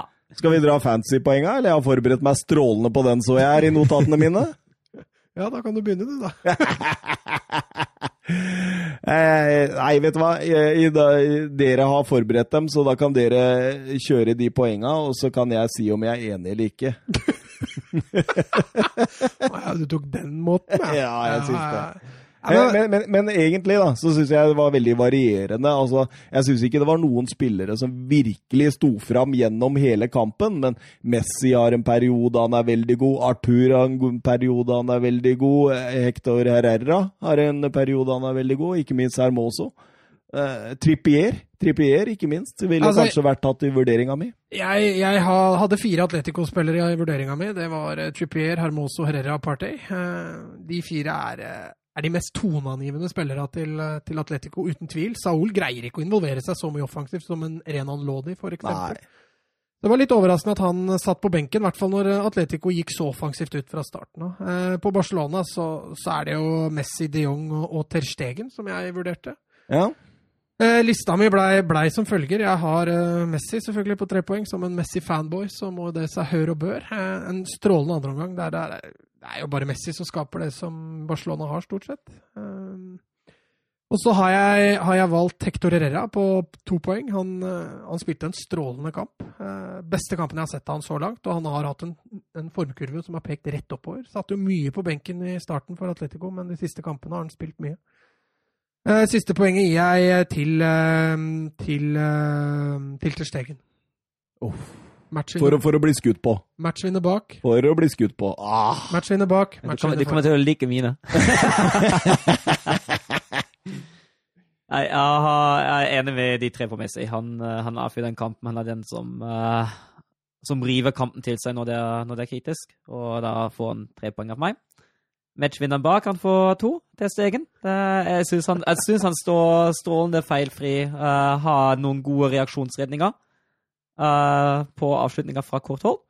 Uh, og så syns jeg det ene poenget skal gå til Trippier, som uh, jobber veldig godt i begge retninger. Jeg syns ikke Grismann får til noe salig som hans direkte motspiller. Uh, og så skaper han en god del sjanser framover og er på i nesten hele kampen. Så uh, ett poeng til Trippier. Hvis lista di nå er junior 4 på Angel Korea, så har du bomma. i hvert fall. Nei, eh, jeg, jeg tenker jo at tre poeng er Ter Stegen, da. Ja, fantastisk kamp. Det var litt sarkasme. Ja, nei, eh, tre poeng Messi er jeg litt enig i. Eh, han avgjør, og annenomgangen er fantastisk. Førsteomgangen er svak, men eh, I likhet med resten av Barcelona. Ja, Da stemte jo svært lite. Eh, eh, To poeng eh, vil jeg gi Trippier. Uh, Syns han var eh, svært toneangivende. Uh, full kontroll på Grismann bakover. Uh, mye mer framover hele, hele veien. Har også en god sjanse og har et par innlegg der som bør omsettes bedre, hvis ikke de header eller skyter rett på Ter Stegen. Han kunne jo stått feilplassert òg, da, Edvardsen. Ja, det kunne han. Det kunne og, og, og, og du skal ikke undervurdere den kvaliteten ved en keeper. Du ser jo f.eks. en Alison Becker i, i Liverpool som uh, sjelden må gjøre de fantastiske redningene, men alltid er litt i forkant. Mm. Eh, selv om han ikke var det i denne serierunden. Apropos. Apropos. Eh, Ett poeng Hector Herrera. En nydelig aggressiv kamp. Ballvinner. Litt sånn Jeg vinner og flytter den til side. Ja, Thomas Edvardsen spesial der. altså. Ja. Eh, skal vi hoppe rett over til eh, Premier League, eller? Der Gråse. Nei, det, det er ikke det. Det, det er The Big, da. the, big, one- the big one. Eh, Tidligkampen eh, lørdag. Eh, Manchester City var på besøk oppe i nord, i Newcastle. Det var enveiskjøring. Du hadde vel noe stats du der, Søren? Hadde du ikke det? Ja, det var, eh, hvis du ser på expected goals i den kampen her, eh, så ender City opp på 2,44. Så de, får jo, de bør jo skåre mellom 2 og 3, så de får jo ca. det de skal framover. Bakover får de absolutt ikke det de skal, for Newcastle har en expected goals på 0,21. Og så skårer de to mål. Det, Det er fascinerende. Det er godt gjort. Ja, det er godt gjort, men det, det, det, var, det, det, var jo, det var jo fine mål. Absolutt. Shelby der som klinker den inn, eh, men eh, nå, nå foregrep vi begivenhetene litt. Eh, Steve Bruce eh, la seg i en Rafa Benitez-formasjon, som, som mange ganger tidligere. ja. Eh, fem bak, pottetett i, eh, i eh, defensiv midt, og eh, Almiron og Sant Maxime eh, skulle gjøre det samme med Jo Linton eh, fremover i banen. Eh, ja, eh, ikke veldig dum taktikk, syns jeg. Nei, altså, han mangler jo også et par eh, bidragsytere her, eh, godeste Bruce, blant annet Lascelles bak der, og Sånn at han, han har ikke det beste å velge mellom. Brødrene, brødrene Longstaff starta jo på benken, og så han, han viser igjen at han kanskje det, han er en litt større taktiker enn eh, vi har trodd. Eller? Ja, eller så lever han på Benitez. Hvor lenge kan du leve på sånt? da? Nei, jeg tror det sitter i ryggmargen på de spillerne der. Han, han har tatt, han har arva noe, han. Altså, det, det, Jo, jo, blir, men det, det- blir, det blir som Det gjorde Ola By Riise en gang i tida òg. Hæ? Det gjorde Ola By Riise en gang i tida òg. Ja, han var vant til seriegull òg, gjorde han ikke det? Ta han neste, da. Per Joar Hansen. Jo, jo, men du kan arve over en sesong. Det kan du gjøre med et godt uh, fundament bakover og tilsette noen av dine egne Men Ja, David Moyes arva noe, han òg, da. Ja, den var bedre, faktisk. Jeg bruker den. David Moyes arva noe, han òg. Forsvar den. Ja, men at eh, Alex Ferguson vinner seriegull med det laget der det siste året, det er bare Alex Ferguson i hele verden som kan gjøre, skal jeg si det. Ja, ja, men uh, det er ikke så langt unna at Benitez er den eneste manageren som kunne overlevd med det laget der òg. Ja, men det, det, det er jeg for så vidt uh, enig i, men nå har jo de fått inn uh, Sant Maximau og Jo Linton, som er gode overgangsspillere. Eh, det er nesten litt sånn når du ser Almiron og Sant Maximau og Jolinton gå framover, at de har litt den der ah, Firmino, uh, Mané-Sala-relasjonen, hvor Jolinton skal møte, og de skal stikke bak. Mm. Eh, veldig spennende offensivt. Det er jo en artig strategi, eh, Ja. og ikke sånn, bør ikke være veldig overraska. Jeg tror ikke City ble tatt på senga når de kom med dette, men, eh, men de sliter jo litt med å demme opp, og Jetro Williams var jo tidlig frampå der og reduserte. Ja, absolutt. Men for et mål av Kevin eh, De Brøne, da! Hæ?! Ja, herregud. Ja, det er drømme, drømmetreff, kan vi kalle det det? Ja, jeg, jeg, jeg, når jeg ser sånn, jeg savner han mer og mer i Wolfsburg. Ja, kan jeg tenke. Veldig. Men eh, ja, den tida har gått. Men eh, hva, hva tenker vi liksom om Manchester City nå? Jeg syns jo det går litt mer i sirup enn det gjorde før. Ja, det gjør kanskje det, eh, men, men jeg syns jo City fortsatt får ganske godt underbetalt, altså. Hvis det går an å si det på den måten. Ja, det er litt det. Altså, jeg har, jeg har tatt fram noen stats på akkurat det der. Kjør. Ja, i forrige sesong eh, så fikk City en eh, expected goals på 2,39 per kamp, og expected goals against på 0,75 per kamp. Uh, Sistnevnte de har nok gått opp ganske Eller litt, da, i hvert fall. Nå er vi på expected goals against på 1,03. Uh, men på expected goals ligger de på 2,94. Uh, har Det er forventa at de skal skåre mer mål. ja, egentlig. Og så har de expected points, ligger de på 32,77. Uh, det er 3,77 mer enn de har, enn de har nå. Mm. De, har, de har to problemer. Det ene er at Liverpool får kraftig overbetalt. Liverpool ligger på expected goals per kamp på 1,96.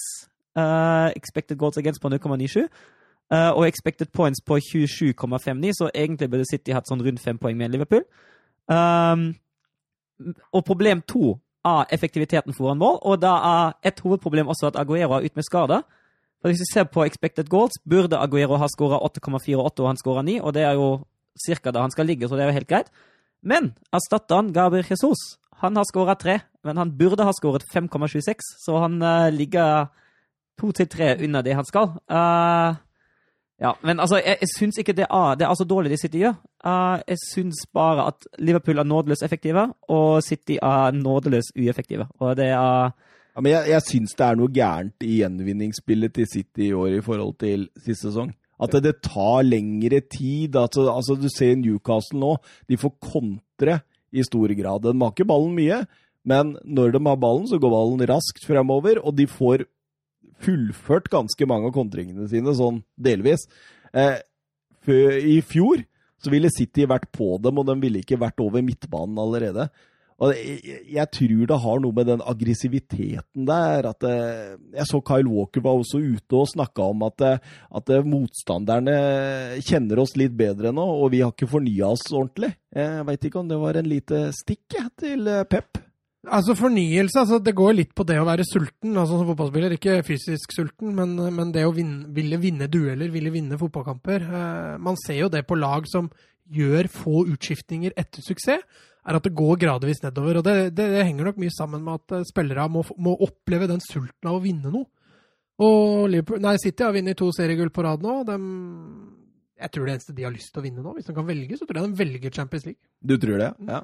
Ja, det, det, tror jeg Liverpool signerer. Så jeg tror hvis, hvis City sier hei, vi vinner Champions League og dere vinner seriegull, da tror jeg alle er lykkelige og fornøyde her. Da er alle lykkelige utenom José Mourinho. Ja, det stemmer nok. og Solskjær. Men har vi svart på Sander sitt Twitter-spørsmål her, eller kunne dere forklart litt hva som skjer i City? Det er jo ikke det samme laget som sist sesong. Vi har jo drøfta litt rundt det nå. Ja, altså han ja, Vi må videre i sendinga, skjønner du, Mats. Eh, ok. jeg vil bare ta med Jeg leste underveis på Twitter eh, Det var en engelsk eh, City-supporter som skriver noe sånn eh, fritt oversatt. Vi får faen meg Sant Maxima til å se ut som 2015-versjonen av Neymar. Litt frustrert. Ja, ja, nei, men Max han har vært bra i år. Ja, absolutt. Han er, han er jo ekstremt morsomt å se på ja. med det Gucci-båndet sitt. Hæ? For en spiller! Ja, gøy. Og, og, han løp fra Kyle Walker med ball! Ja, altså han har tempo, han er god én mot én. Han, han er veldig skapende type. Og Så lenge han spiller med den energien han gjør, så er det kjempegøy. Atletisk vidunder òg. Så du den der han landa på ryggen og tok det sprettet for et par uker siden? Ja, oh, men det gjør jeg òg, hvis jeg lander på ryggen. Nei, det er mer på magen, Mats. da, da, spretter du. Ja, stemmer. Sånn det. Eh, Stamford Bridge, eh, der kom eh, Premier League-rundens store bombe. Den så jeg ikke for meg. Nei, det holdt å bytte keeper. ja. Hva, hva, hva, hva, tenker du om det, Søren? Nei, det, det var overraskende. Uh, altså, uh, kanskje, det, det, jeg kanskje er mest uh, overrasket over, er hvor lite Chelsea egentlig skaper i andre omgang. Det er ikke, ja. det er ikke store sjanser, da, altså. Første omgang, greit nok. Da syns jeg de har et det, det, er, det, er, greit, men jeg syns ikke det er mye som kommer der i andre omgang. Så ja, jeg er enig i at den, den er overraskende. Ja, det, det, det, er litt sånn spesielt, da, fordi et høytflyvende Chelsea der eh, har jo spilt glimrende fotball til tider, og så får en besøk av et lag som ikke har vunnet en fotballkamp siden 2-0 mot Manchester United 22.9. Men det er jo dette som er deilig med fotball, da. Ja, men altså, du veit du er i trøbbel altså, når du må bytte inn på Kanté for å få mer offensiv kraft. Da, da veit du at du sliter. Eh, han gjør litt forandringer, da, riktignok. Denne Frank Lampard eh, kjører jo både Pedro Giroud og Mason Mount har jo sittet litt på benken i det siste. Han fikk jo, fikk jo starte nå, så han, han gjør litt uh, hvileendringer, kan vi kalle det. Mm. Uh, Chelsea klart best i første omgang. Helt utrolig at ikke de leder. Ja, absolutt. Uh, absolutt. Andre omgang, som Søren sier, det dabber litt av. Og så syns jeg Westham egentlig forsvarer seg greit, jeg. Ja. Ja, ja, absolutt. Og nå får spiller spille fram Cresswell der, som gjør egentlig alt på egen hånd etter det. Og så, ja.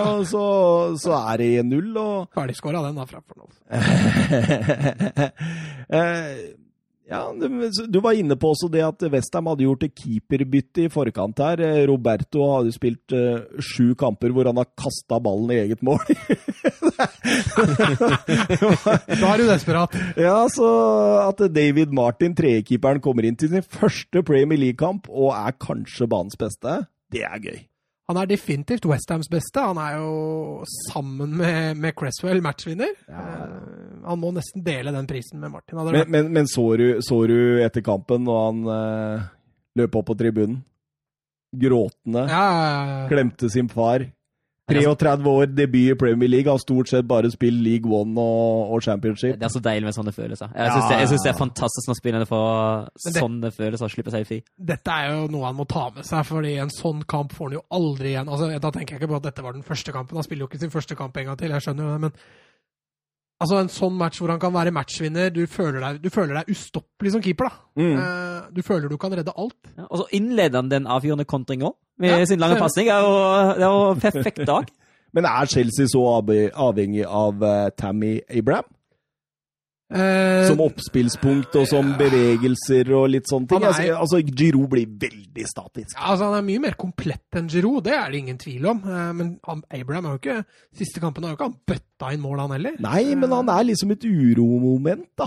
Hele tida, liksom, som skaper litt rom for Pulisic. Og jeg syns Pulisic sleit med å skaffe de romma som han normalt sett har fått. Ja, men så ser du liksom han gjør to-tre forandringer da, eh, fra forrige kamp. Spørsmål er kanskje det er litt for mye å Ja. hvile av gangen. Altså i hvert fall i samme ledd, da. En reality check, sa Lampard sjøl. Ja, men det, altså når du har et så ungt eh, mannskap, og du i tillegg rullerer såpass som du gjør der, så er det klart at du vil få noe slag i trynet utover sesongen. Altså. Ja. Og eh, tidligere i sendingen så snakket vi om Messi som Ballon d'Or-vinner. Nummer to i den kåringen. Han spilte fotballkamp på Anfield mot eh, Brighton og stanga inn to mål på bare seks minutter. Begge på assist fra Alexander Arnold. Og da, da trodde man jo egentlig at eh, nå skulle vi liksom sitte her endelig i en episode og si at dette, Liverpool, dette var overbevisende. Ja, altså det var gøy, for jeg hadde begge to på Fantasy. Du hadde Ja. både, og du, du dro litt poeng, du, Jeg altså? hadde både Arnold og van Dijk. Ja, det er ikke dumt. Det er ikke dumt. Så jeg jubla jo godt, jeg. Eh, Tapte en del poeng når Brighton uh, skårte på slutten her, da. Ja, de surra jo. Altså, jeg Ja, for, det, for, det, for det er det jeg skal litt fram til her, Søren. Fordi vi har snakka mye om Liverpool og marginer nå. Og så syns jeg jo de spiller en bra førsteomgang og har veldig god kontroll på Brighton lenge. Men så klarer de å, å på et eller annet magisk vis å få dette til å handle litt om Litt i hvert fall om marginer igjen, og Alison der eh, Hva er det han driver med, Mats? Ja, nei, han feilberegner jo fullstendig og skjønner sjøl at han har driti seg skikkelig ut. Eh, lobben Jeg vet ikke om han føler at den lobben går i mål hvis ikke jeg tar den, jeg, men eh, med VAR nå så skjønner jeg ikke at keepera gidder. Nei, det kan, det kan jo da bare være en refleks. Jeg merker det selv, jeg er jo egentlig keeper selv. Når da jeg spilte noen utekamper, det er vanskelig å ikke ha de samme refleksene når du har en ball flyvende på deg. Så det kan hende at det bare var en refleks. Det Ja, jeg, jeg veit ikke. Men... jeg veit ikke, for han har henda høyt Ja, før lobben. Ja, han har nok det. Uh... Han har jo henda rett ut fra kroppen når han begynner å lobbe, og da, da bør du jo være bevisst på hvor ja, du har egentlig, hendene egentlig, ja. ja. Men altså, det, det kan sikkert være han svarer på hva det var. Ja, det kan hende. Og spilleren som spilte det i framspillet opp, han tok frisparket sjøl, han. Ja, han spurte dommeren han kan jeg få lov å skyte. Hva blåste. skjedde der, tenkte jeg. Og muren til Liverpool, og keeperen til Liverpool hadde fortsatt ikke Adrian sto og dirigerte mur, da. Ja. Er ikke det blitt ganske vanlig nå, at det er en utespiller som skal stå og gjøre? Ja, fantastisk syns jeg at uh, Dunk bare sier du, får jeg lov? Ja, er greit. Overraskende. Han har kreative evner Ja. til å ordne det der. Og etter det så har jo Brighton stort sett alt. Ja, en mann mer på banen. Brighton var jo gode med ball stort sett gjennom hele matchen. De var tøffe til å prøve frispillinga si. De får det til ganske ofte. Eh, når Liverpool blir en mann mindre, så skjer det noe oppi huet til Liverpool-spillere, og da blir de veldig defensive. Brighton de, de er veldig tålmodige. Jeg satt og så den kampen sammen med fatter'n, faktisk. Han satt og uffa, uffa seg fælt over Brighton. Mm. Eh, det var altfor mye støttepasninger, Venten. Uh, Ja. Går ikke an å spille sånn, det ble ikke noe mål da. Nei? Eh, så jeg prøvde jo, prøvde, prøvde jo å forklare han litt at eh, det er ikke noe vits i å slå den ballen langt hvis ikke du har noen der framme til å ta den imot. Nei, nei, nei. Eh, og det følte litt var der Brighton var. De mangla litt i bevegelsene framover, så det blei mye støttepasninger. og Kom ikke til de helt store sjansene. Possession-spillet er faktisk 45% Liverpool og 55% Brighton. Ja, men det er vel mye det siste kvarteret der, for da er det mye Brighton. altså. Ja, ja. Liverpool med 31 kamper i Premier League uten tap nå. Det er lengste rekka siden 1988 eh, for Liverpool. I morgen eh, får de besøk av eh, Det kan være i dag for mange lyttere. Får de besøk av Everton i sesongens første Mercyside-derby. Er det potensiell snubletråd der nå, eller? Nei. Liverpool har så mye gullår i ræva at det, det er ikke Jeg tror ikke de taper. Jeg tror ikke de fortsetter det. De taper jo ikke en kamp. Og der var var i hvert fall eh, 20 Liverpool-fans som stoppa å følge 90 minutter. Jo, jo, men altså Jeg, jeg, jeg, jeg, det er jo snakker, bra lag. jeg snakker jo ikke ned Liverpool for det. det er, de har jo enormt marginer. Jo, men jeg tror at uh, i morgen, altså i dag for veldig mange lyttere, og i morgen uh, da, da, Jeg tror dette kan være kampen der det rykker. Fordi Everton, lokalderby, eh, Fabinho ute, Alison ute Everton Ja, nå Dette er en cupfinale for dem omtrent. Ja, men det dette- er derby, det er cupfinale for Liverpool. vet du. Ja, ja, ja, Så du, spå, du spår en snubletråd? Ja, Uavgjort? eh, ja. Uavgjort eller, eller faktisk Everton-seier. Greit, dere hørte det her. Er, er, er jeg veldig Nei, altså Jeg, jeg tror jo den kommer på et eller annet tidspunkt. Eh, om den kommer i morgen eller ikke. Men uh, det har vært noen jevne kamper i det siste med Liverpool, så det skal ikke forundre meg om eh, Everton tar poeng, uh, syns jeg. Deilig, deilig, deilig. Tottenham, Bournemouth, José Mourinho-show. Eller skal vi kalle det Del Alli-show? Kall det José Alley-show, du. José Alli-show. Eh, litt av en eh, start på kampen, egentlig. Eh, litt sånn avventende og litt sånn Nei, dette likte jeg ikke. Og så girer Tottenham opp etter rundt, rundt eh, 15-20 minutter, og da henger ikke Bournemouth med. Da er det route one, det er direkte spill, det er framover, mange samtidige bevegelser. Og Altså, jeg syns vi begynner å se et lite Mourinho-preg på dette Tottenham-laget. De er uh, helt klart farligst når de, når de er direkte i angrepsspillet sitt. Uh, ikke det oppstendelige angrepsspillet vi så mye under Pochettino. Uh, det gjør at spillere som Deli Alli kan eh, bevege seg mye fritt med nesa mot mål. Kane kan bevege seg fritt med nesa mot mål, og de har fått godt betalt. Altså. Ja, de har gjort det. Eh, Jeg syns eh, det ser veldig, veldig bra ut. Jeg syns Mourinho har trykka på noen riktige knapper. Du ser jo eh, Hele laget er jo mer forovervendt nå, og du ser jo Aurier. Han, han Har han fått frie tøyler, eller? Ja, han, er, han har slått opp telt han på cornerflagget til motstanderen. Ja, men da, da ser du jo også det at det, det var Fertongen som var venstreback denne gang. Så ser du at han trekker inn. Mm. Så, så det er åpenbart en plan av Mourinho å bare gi han fulle Full frihet offensivt. Eh, Et godt tips til de som spiller fantasy framover, vil jeg tro. Eh, hva tenker du, Søren, om Mourinho-prosjektet? Nei, det har starta bedre enn forventa. Mer underholdende enn forventa også, må jeg si. Så jeg ser det, Altså, man må jo, nå skal jeg vente med å trekke konklusjoner. Eh, Jeg syns det, det er for tidlig. Jeg sier det samme om Hansi Flick i Bayern. Jeg syns man skal vente Ja, det er riktig tidspunkt å si det på, i hvert fall. Jeg, jeg har sagt det før, men uh, um, Jeg syns man skal vente med å trekke konklusjoner. Men de første kampene ser i hvert fall ikke særlig dumt ut, syns jeg. Nei, altså, og, Altså- og det var jo mange Spurs-supportere som var litt redde for den der to dare is to do. Men eh, når man da er tolv mål på tre kamper og sluppet inn seks, så så, så vil det jo si at det har vært ganske underholdende. Ja, men det overraskende her er jo det defensive. At de slipper inn to mål per kamp under Mourinho. Ja, det må bekymre en litt, altså. For, eh, for han, han skulle han ikke få litt orden på det defensive, så skulle de fire gutta få styre årene framme. Det var det som, eh, som sannsynligvis har vært planen, men eh, det, det vil gå seg til, altså. Altså, Flere av de måla har jo kommet når Tottenham allerede har vunnet kampen. Ja, ikke sant. Så, så det kan hende det sitter en del mentalt der også. Ja, altså, det- altså Særlig det 3-1-målet her for Bønnemøff. Det er det jo altså, Det er lite man får gjort noe med det. Altså, det, Ja, det, du tenker på frispark? Ja, ja, det er perfekt frispark. Og så, og så ser man på Jeg synes på 3-2 Særlig Sissoko. Han, eh, han skrur av det allerede vi er på over 10-90 pluss 6, og han taper, taper duellen på, på kant. Og så Ja, jeg tror ikke han gjør det. Da det er 0-0 etter 30 minutter. Nei, det er helt riktig. Siden Mourinho tok over eh, Tottenham, har Tottenham tre seire. Eh, Chelsea har på denne perioden spilt tre kamper uten seire. United har to kamper uten seire. Og Arsenal har to kamper uten seire. Mourinho-effekt, eller? Nå går Tottenham for eh, i hvert fall fjerdeplassen. Mm, ja, altså den er de jo på Men det har vel du allerede annonsert? At Ja da, det er bare seks poeng bak Chelsea nå, vet du. Ja. Og så er det jo Leicester er jo også en er også et lag som fort kan finne på å gå noen kamper uten seier. Eh, Så det er jo langt ifra fortapt. Men eh, det blir spennende å se Tottenham og Mourinho i det litt lengre løpet. For det er jo åpenbart at han har frigjort en del energi. Mm. Eh, Hverdagen kommer jo når juleprogrammet begynner om en måneds tid, og da blir det spennende å se hva En svært viktig kommende kamp på Old Trafford. Utvilsomt. Eh, Jeg er stygt redd for at du kan avblåse den sykkelturen din allerede neste uke, faktisk. Å, det hadde vært deilig. Det hadde vært deilig. Jeg, jeg så det var ja, Men det kommer vi tilbake til. Eh, Petter S spør på Twitter eh, hva har Mourinho gjort med Del Alli? Eh, player management i verdensklasse. Kan vi jo bare, altså Mourinho fikk jo det spørsmålet sjøl. Hva har du gjort med Del Alli? Og da sa han eh, ikke noe annet enn å sette den i den posisjonen han er best. Det var greit oppsummert òg, faktisk. Ja. Din, den frie rollen han nå har bak Kane, det passer han ekstremt bra.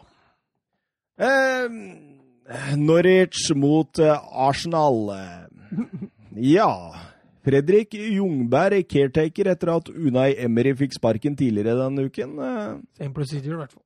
Ja, og, og så, så satt jeg tenkte underveis i matchen der at hvis jeg hadde tatt over Arsenal, noe som selvfølgelig er utenkelig, for jeg ville aldri tatt en sånn jobb eh, Men hvis du hadde fått tilbud Sannsynligvis. så, eh, så hadde jeg starta dag én med forsvar. Og organisering. Intensiviteten i det, presspillet, sikring av alt det som ikke er der i Arsenal nå, det har ikke Fredrik Jungberg gjort. altså For de to måla Norwich skårer, det er, er eh, Sein, Wenger og hele Emery-perioden om igjen, det. Ja. Jeg syns jo det er Det er jo passivitet over hele veien her, men jeg syns det er særdeles uh, påfallende på Mustafi. Vi, har, vi, vi spiller Det spilles i en liga med VAR, og så kommer det en lange passing på Pukki, og så løfter Mustafi armen før situasjonen er ferdig spilt, og så står han bare der og Men det er, det er sjokkerende. Nei, Det er sjokkerende det er- det de gjør defensivt. Det altså. går ikke an. Ja, altså Begge skåringene kan kritiseres heftig. Spesielt altså Skåringa til Cantwell på, på overtid i første omgang der. Altså det, altså, det er så tafatt og Altså, Hadde jeg vært Arsenal-supporter altså Nå har jeg klippet meg, da, men eh, jeg hadde mista alt håret, tror jeg. Det er, det er helt dødt bak der. Det er, det er null aggressivitet. Folk flytter jo ikke beina i det hele tatt. Og man kan jo begynne å lure litt på selve klubben. Altså, altså, selv når vi i 90 minutter sitter her i sommer og sier at eh, her må Arsenal få det defensive på plass. De må få inn en leder inn i det midtforsvaret. Og Og så henter de David Louis. Ja, ikke sant? Det er det de gjør. Ikke sant? Everton Ja, men Everton må jo ha ledd hele veien til banken for de der øh, åtte millioner euroene de fikk. Everton? Nei, Chelsea- Da Chelsea, skjønner jeg det blir. Nei, det er helt vilt, egentlig. Jeg, jeg, jeg, jeg skjønner ikke. Og, og, og så ser jeg nå ja, men har Emry underprestert så veldig med det laget der? Nei, Han har omtrent samme poengfang som det Solskjær har hatt den siste tida. Ja, da har han underprestert. Ja. Eh, Bookmakeras favoritter til å ta over eh, for, eh, for godeste Emry er eh, Arteta på topp. Eh, får vi se om Pep vil slippe han. Eh, sannsynligvis må han vel, hvis Arteta vil. Allegri. Jungberg. Brennan Rogers, fjerde. Nuno Ispirito Santo, femte. Pochettino, sjette. Angelotti, sjuende. Eddie Hall, Benitez og Patrick Vieira. Av disse eh, Pochettino er totalt uaktuell, det er jeg helt sikker på, bare for det jeg har sagt. For du kjenner han. Nei, men jeg er helt sikker. Det er det, altså, hvis det skjer, så skal jeg sykle tilbake til Nei, det skal jeg ikke! men, men, men det skjer ikke. Ferdig med det. Eh, hvem av disse tenker dere? Nei, Jeg tror jeg hadde gått for Allegri eller Benitez hvis jeg kunne valgt. Å, du tenker det samme som meg? Altså, Arsenal er jo i utgangspunktet et offensivt, sprudlende lag som du har lyst til å se en, en Miquel Arteta. Da. Jeg tror han hadde vært utrolig artig, men jeg tror du, du får litt samme issue med Unai Emery og med Jungberg. Du, Ja. du får ikke orden på det defensive. Eh, Så få heller inn en Benitez da enn Allegri. Spill litt mindre underholdende fotball, men tett igjen litt mer bakover. Ja, Benitez, Benitez, ja, det kunne ha gått. Allegri, nå, igjen, nå er ikke Serie A min absolutt sterkeste side, her, men Allegri slår meg ikke som en som virkelig utvikler et lag her, som heller forvalter det som allerede er der. Uh, Ja, jeg vet, jeg, Jo, man kan defensiv struktur, jo, og det er jo, det Arsenal Arsenal ja, trenger nå. Ja, ja. Jeg tror kanskje det har gått for Benitez enn Allegri, men, uh, Men, men har Allegri, har ikke Allegri sagt at han skal ha et hvileår? Eh, Jo, men det, da sitter vi Jungberg ut sesongen i så fall. De har jo tydeligvis tro på Jungberg, da, siden han ligger som nummer tre i bookmakeras favorittliste her. Ja, det er jo spennende å se da, for en svenske, danske og nordmann. Hvor er den danske treneren? Nei, jeg, det var der jeg, det var derfor jeg stoppa det var ikke noen danske trenere der. Eh, Arsenal uten seier på de siste seks eh, kampene. Fire uavgjort og to tap i Premier League. Det er det lengste de har gått eh, uten seier i ligaen siden desember 1994, Mats. Det er Graham uh, Ja, det er George. George, Graham-perioden. Eh, vi hadde et par eh, spørsmål på Twitter her òg. Vi kan begynne med Jonathan Hobber. Er det noe nytt rundt Porcetino? Var en del spekulasjoner før det ble helt stille. Har sett litt Arsenal-spekulasjoner, men det er vel bare piss? spørsmålstegn. Ja, Pochettino han er på ferie i eh, Argentina. Eh, vært og besøkt gamleklubben sin Newell Old Boys der, hvor han sto og poserte med en drakt med Pochettino på og var eh, glad og fornøyd. Hadde fått flere spørsmål om bl.a. om han kunne tenke seg å trene i Argentina. Det hadde han ikke lyst til, han skulle tilbake til Europa. Og han var veldig klar for et nytt prosjekt, men eh, Hva? hva og hvor, det visste han ikke ennå. Han eh, sa at han var tilpasningsdyktig, han var ung, og at han Ja, ja, men er han tilpasningsdyktig, så kan det jo bli Arsenal, da. Nei, nei, nei. nei, nei. Og det, det, det, det kommer ikke til å skje. Ferdig med det, liksom. Da, det, det skjer ikke. Nei, og i Bayern ryktes det nå om at Flick ikke har så dårlig sjanse til å sitte, i hvert fall ut sesongen. Eh, Jeg Nei. vet ikke hvor mye, hvor mye sannhet det ligger i det, men uh, skal ikke se bort fra at de velger den løsningen, i hvert fall ut, sesongen. Så ja, vi får se. Det blir spennende. Men 100% sikkert, hvis Pochettino ender opp i Premier League, så er det Manchester United. 100 sikkert. Eh, Jørgen Be Ready Nystuen, råtips. Hvem tar over Arsenal etter Å nei, Emry? Å nei, Emry. Eh, råtipset mitt er jo egentlig Mikkel Arteta, siden han ligger øverst på bookmakers. De, de sitter jo som regel med informasjon vi ikke har. Ja, jeg tror ikke Allegri har lyst til å ta i det prosjektet. Eh, Jeg hadde ikke hatt så lyst, i hvert fall, hvis jeg hadde vært i posisjonen til Allegri, tror jeg. Eh, Benitez er vel fortsatt under kontrakt i Kina. Ja, Eh, Og da blir må du kjøpe Lausanne, og da er vel det er dyrt.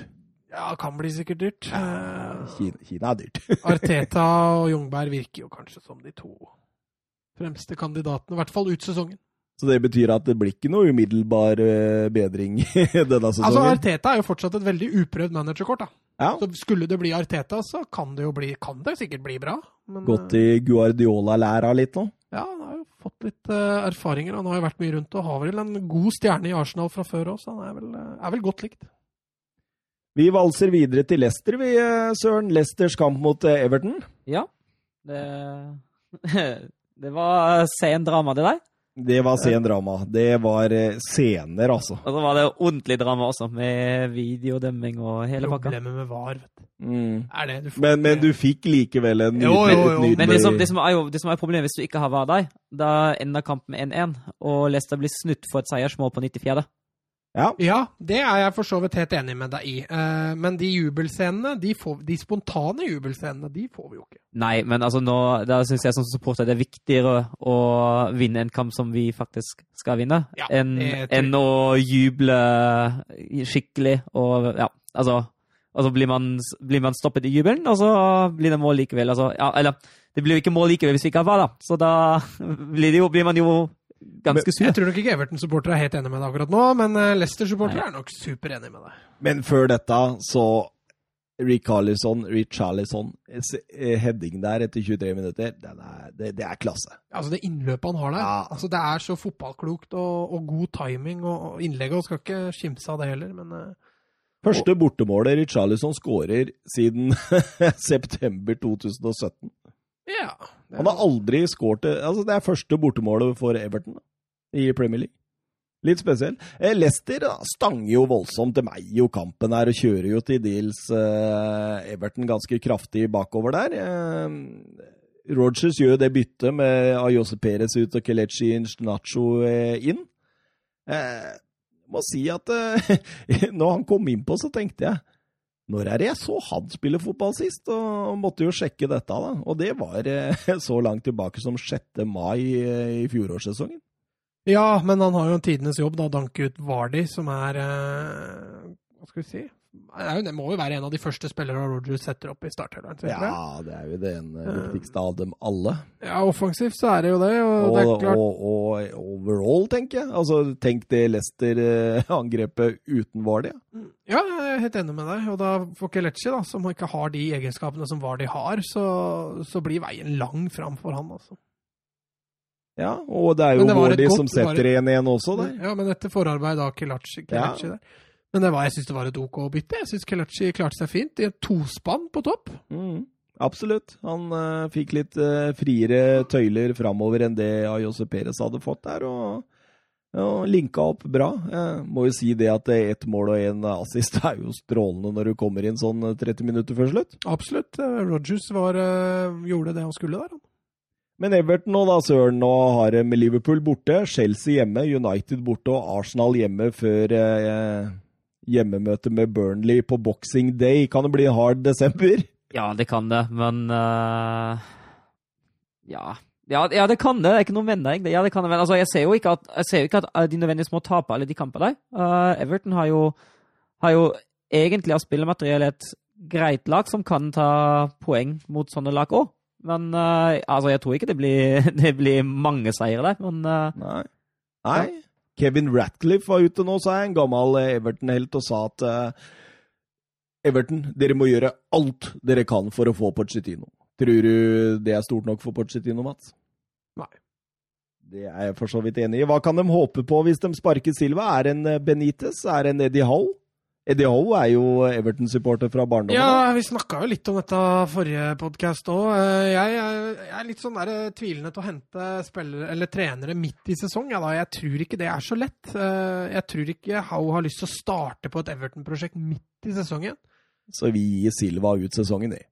Altså, jeg ville gjort det. Ja. Eh, Altså, Når du ser hvilke trenere som er ledige på markedet, som er innafor Evertons rekkevidde, så Altså, Det også snakka vi om sist. Mark Hughes så har jo bare grøss og gru. Og, og da er jo kanskje Marco Silva det beste alternativet, da. Ja. Skal vi videre til Old Trafford? Manchester United eh, tok imot eh, Birmingham-laget Aston Villa og eh, Jack Grealish, nummer ti, captain. For en kamp han leverer. Ja. For en kamp han leverer. Han, han var helt nydelig. Han er helt fantastisk. Nei, det, det var rett og slett et show. og jeg, når jeg satt og så den kampen, så tenkte jeg han er alt United mangler. Satt han i Pereira-rollen, så hadde de hatt 10-12 poeng mer i år. Ja, det tror jeg også. Han eh, Nei, han var, han var strålende. Eh, Alt, eh, eller alt, veldig mye av det Aston Villa skaper offensivt, er det han som står bak. Enten er han sist, eller nest sist, eller tredje sist. Eh, han legger ned vanvittig mange meter, og så er han så dedikert i spillestilen sin. Han er liksom sånn Ja. oppriktig i spillestilen sin. Ja, helt riktig. Helt ærlig. ærlig. ja. Dønn ærlig. Ja, Uh, og det, sånne spillere er, eh, det er gøy å se på. Og det målet. Det målet.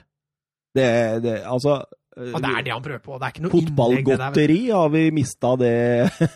Nei, ja, nei, jeg bruker det nå. Ja, det er godteri. Det er godteri på, Ja. på, på ordentlig smågodisnivå. Se, ansiktsuttrykket til DGA når den Nei, men jeg, jeg tror det er det han prøver på. Det er ikke noe innlegg, det der. Nei, nei, nei, absolutt ikke. Han bender den i krøsset. Men uh, Manchester United, eh, tross en uh, relativt dårlig kamp, uh, setter plutselig inn to dødballer. Tror det var de to første dødballene de har satt denne sesongen. Ja, det var jo litt Altså, de har jo stanga litt. Han gjør Altså, jeg sa det halvveis ut i første gang her. Hvorfor spiller ikke United 45 grader? Ja. Altså, de, Rashford og Martial var jo Var det Martial? Jeg husker ikke. Var det Daniel James? Jeg husker ikke. Altså, de er, de er ned til dørlinja tre ganger i løpet av første halvtimen, og de slår den inn rett Mata, var det. Mm. De slår den inn rett foran mål hver gang, og så står det igjen på 45. Ja. Hver gang. Og det er slitsomt å se på, altså. Når de ikke lærer. Eller så kan du le av det. nå. Jo, jo, jo. Ja. Altså, du kan jo le av det òg, selvfølgelig. Men ja, jeg unner jo United dette, så Du, ja, du, ja, du er jo Solskjær-fanboy, du, så det I am a Solskjaer fanboy. Ja. Er du Solskjær-fanboy, eller? nei, jeg er ikke det. Nei, så du kosa deg du da når Tyron Mings satt eh, 2-2 eh, noen minutter etter? Det er forskjell mellom å ikke være fanboy og ønske noen vondt, men Ja, eh, men, altså, det er nei, men- fotball, ja, det er vi, fotball, vi er ønsker jo ikke vondt. Nei, nei, nei, for all del. Men uh, Nei, altså Jeg mener Solskjær er ikke en god nok manager for dette nivået, og det kommer United vel senere også til å finne ut og gi innspaken. spaken. Det kan godt hende Solskjær hører på deg nå, vet du. Han hører på masse sånne fotballpodcaster. Men eh, nei, altså det er, Jeg syns det er litt synd, men eh, som kommentatoren også var inne på altså, de, United har jo ikke en bra nok stall til å kjempe topp fire. De har for tynn stall, de har for dårlig stall. Eh, men de burde jo selvfølgelig ha slått Aston Villa hjemme. Selv med den stallen de har. Men, men jeg kjenner jeg syns litt synd på Brandon Williams når han henger igjen der på to Men det er ikke synd på han, han følger jo ikke med. Nei, Dette er jo ting altså, han må lære ja. dritfort. Men det er så kjipt å få den på seg, da. Når du er sånn ung og du har hatt en ålreit uh, Ja, Han starta brukbart, det er helt enig men der er han urutinert. Altså. tenk, tenk, tenk hvis uh, Solskjær setter inn Young eh, til Tottenham-kampen nå. Ja, det er litt satt inn Luke Shaw, altså. Det, det er vel kanskje det som kommer Jeg, til å jeg skje syns òg. det var rart, og det gikk noe rykte på at Luke Shaw har fått beskjed om at han ikke vil bli satsa på å få spillere spilletid, for det er Brennan Williams det skal satses på. Så det blir spennende å se framover, men uh, Brennan Williams viser jo akkurat i den kampen der hvorfor han ikke bør spille fast.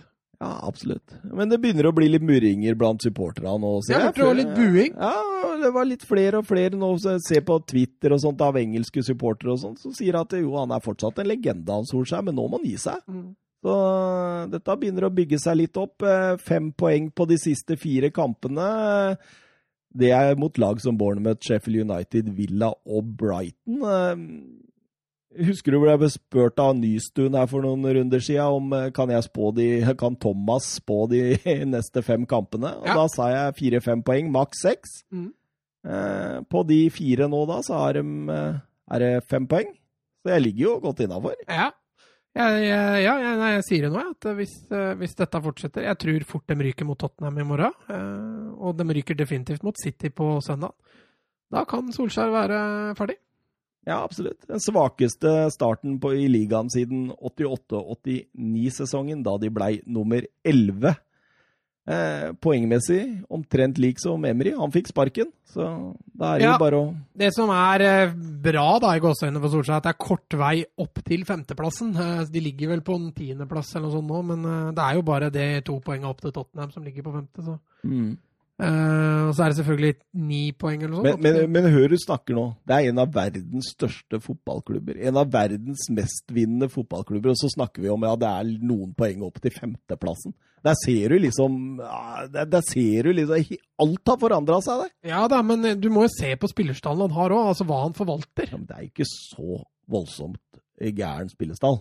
Altså, den er jo helt på høyde med Arsenal, med Leicester, med, med Ja, men Les altså, Arsenal ligger han jo også på høyde med, Ja, på men altså- Men, altså, Leicester har jo overprestert, det er du også enig i? Eller? Ja, ja, jo, jeg tror det blir en down der. Men, altså, men spillestallen er ikke altså, Vi snakker om en uh, forsvarsrekke som i hvert fall koster to milliarder kroner uh, innkjøp. Uh, vi snakker om en av verdens beste keepere bakerst der. Vi, vi snakker om en litt haltende midtbane med noen skader, men foran er det jo krutt med Rashford og Martial og, og Daniel James. Jeg, altså, det skal være bedre enn det de viser. Ja, det er jeg helt enig med deg i. Men de ligger ikke så langt unna potensialet. Serie A, Brescia mot Atalanta. Vi går raskt igjennom. Mario eh, Paselic, eh, Chelsea-leiesoldaten, eh, skårer to, mens Ilicic skårer 0-3 på overtid. Og Atalanta de reiser seg etter fem kamper uten seier i alle turneringer, Søren. Ja, og så har vel Ilicic også to, to assist på de to Palasic-skåringene. Pasalic-skåringene, så det var jo bra dag for, for ham. Mindre bra dag for eh, Grosso, Brescia-treneren. Men Balotelli var tilbake igjen. Balotelli var tilbake. Han eh, satt jo i tverrliggeren. Eh, var ikke langt unna å skåre. Han var ikke for lat denne gangen altså, til å være med. Nei, hjemmekamp. Ja, absolutt. Sandro Tonali forsøker mye, men eh, Ja, han har litt mye tynn, tynn suppe rundt seg, altså. Han har det. Det. Og en kamp som det her, Atalanta pøser jo på. Altså, det er jo egentlig en ganske artig fotballkamp, men, eh, men det blir for tynt for Brescia. Altså. Det, det er for lite som skjer. Ja, absolutt, absolutt. Eh, vi snakka litt om at det var moro med Tonali, det var moro med Balotelli før sesongen. Vi trodde kanskje at Brescia hadde et lite håp om å holde seg. Det, det håpet har jeg eh, lagt til side nå. Altså, de rykker rett ned. Ja, er det fem, Var det femte tapet på rad de hadde nå? Det er sjette. Eh, sjette tapet på rad. Og det hjalp ikke med Grosso òg, for han har kommet inn og hatt tre tap på tre kamper. han. Ja. og så har han fått spaken nå. Har han fått sparken Ja, han nå? har fått sparken, det var det jeg mente. Han, ja, var det det du mente? Det har ja, ikke jeg fått han med meg. har, etter 003 og 010 mål er han ferdig. Så nå er Korini Tre kamper! Hva var, var, var han Corini er tilbake. det, er, det er humor. Men det er litt sånn Watford, det. Ja, det er, ja, Kommer han tilbake igjen, eller? Gracia? Nei, men jeg tenker på når de ansatte eh, han godeste Kike? Flores eh, Så ja, så var det jo Det gikk jo fra Sanchez Flores til Gracia til Sanchez Flores. Det hadde vært veldig morsomt om Gracia ble ansatt nå. Eller Marco Silva. Da hadde rekka vært brutt. Ja. Juventus Asolo Mats 2-2. Eh, ja, eh, 23 år skilter det mellom keeperen til Juventus og keeperen til Sassolo. Det er ganske heftig. Det er mange år. Ja. Og så vet jeg hvem jeg syns spilte en bedre kamp. Ja, fordi Buffon, han kosta en poeng. Ja, det blei en eh, tabbe der eh, som gjør at eh, Juventus har jo vunnet med ett mål. Det gjorde de ikke nå. Det kan vel skyldes den tabba. Fordi det, det jeg syns det fortsatt er tynt, altså, offensivt for Juve. Må jo si, altså, jeg, jeg vil gjerne skyte inn der. Altså, det er jo Buffon sin tabbe, men det er Forsvaret klønene tilfører må. Det, det må sies. Det mål, det målet er et eneste klønemål. Det er de som delikt, vet du. Delikt. Han eh, som vi skrøt så voldsomt av, han hadde en kjempeklarering der, rett i eh, beina på eh, Caputo, er det vel? Francesco Caputo. Og så spiller vel Torati sin første kamp i Serie A, gjør han ikke det? Eh, debut for ham. Keeperen til Sassolo. Ja, stemmer det. Ja. Han eh, 18-åringen. ja. Han sto, sto i en strålende match. jeg syns det. Syns han var flink. Absolutt. Ja, jeg, jeg skjønner ikke så mye av dette Juventus-laget. Altså, nå skal det sies at dette var det første poengtapet til Sarri på Allianz denne sesongen. men poengtapet syns jeg gir grobunn til en del spørsmål, da, når jeg sitter og ser eh, Juventus. Eh, eh, jeg tenker først og fremst, Er Forsvaret der defensivt godt nok? Altså, Vi snakker en Codrado, en Bonucci, en Delict og en Sandro. Altså, Er de defensivt gode nok? Det, det er et spørsmålstegn som helt klart må, må reise. Eh, et annet spørsmål. Chesney har fått ni kamper, Buffon fem kamper. Chesney, de kampene jeg har sett, en av Serie A's beste keepere. Eh, Buffon kommer inn og kløner. Nå hadde han vel én superkamp, Buffon, der, så vidt jeg husker. Jeg husker ikke hvem det var mot. Var det på Cagliari borte? Var Ja, det den det kan- ja, det var noe voldsomt der. Indreløpere, de som eh, er rundt uh, Pjanic der, er ekstremt stasjonært i tider. Eh, blir så- og veldig varierer han veldig ja, på hvem han bruker. Ja, Shan, og så Kedira, og så Matuidi, og så er det Ramsey, og så kommer Ramsey opp i tierrollen.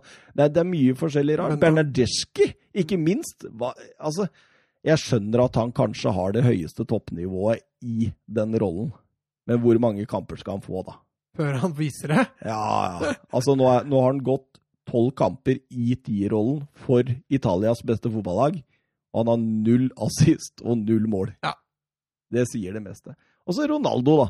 Jeg syns han har vært litt off jeg, etter den skaden han hadde nå, eller var det krangelen med Sarri? Jeg vet ikke. Det var ikke. en liten utblåsing. Han får jo en scoring riktignok fra straffemerket, men eh, både han og Higuain ser Det er tynt, altså. Mm. Offensivt er litt tynt. Og Dybala på benken, som har vært Ja. fabulous. Altså, jeg, jeg skjønner Kan du forklare meg dette, Søren? Nei, jeg har, jeg har ikke noen forklaring på det heller. Jeg syns det er dårlig disponering. Det, Men, men ja. dere satt jo her begge to for to uker siden og sa at Juventus var klare favoritter til å ta Scudettoen. Jeg står fortsatt for Jeg det. så Ja, fortsatt, ja, ja. du, du vingler ikke, nei? Nei, nei, skal- å, jo, forresten. Nei, nå ser jeg Inter leder. Nei, Inter blir nok Nei, Jeg tror Må Juventus tar ikke det mot skuffe. Fredheim nå.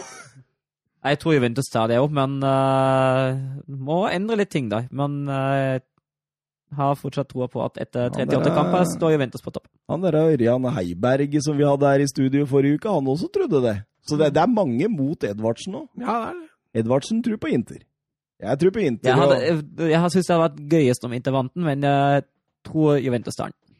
jeg kan ikke se én grunn hvorfor ikke Inter skal ta den i forhold til Juventus. Og det var overgangen til Inter mot Spal, hvor eh, Lauturo Martinez fortsetter den fantastiske formen han er inne i.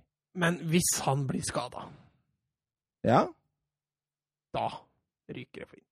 Nei, de har Lukaku i storform, og så Jo, jo, kom- men, og så kommer Alexis Sanchez tilbake i januar, vet du. Så dette men Martinez og Lukaku dem har fungert bra sammen. Ja da, ja da, for all del. For all Og del. Martinez står bak veldig mye av det som skjer i Inter. Altså.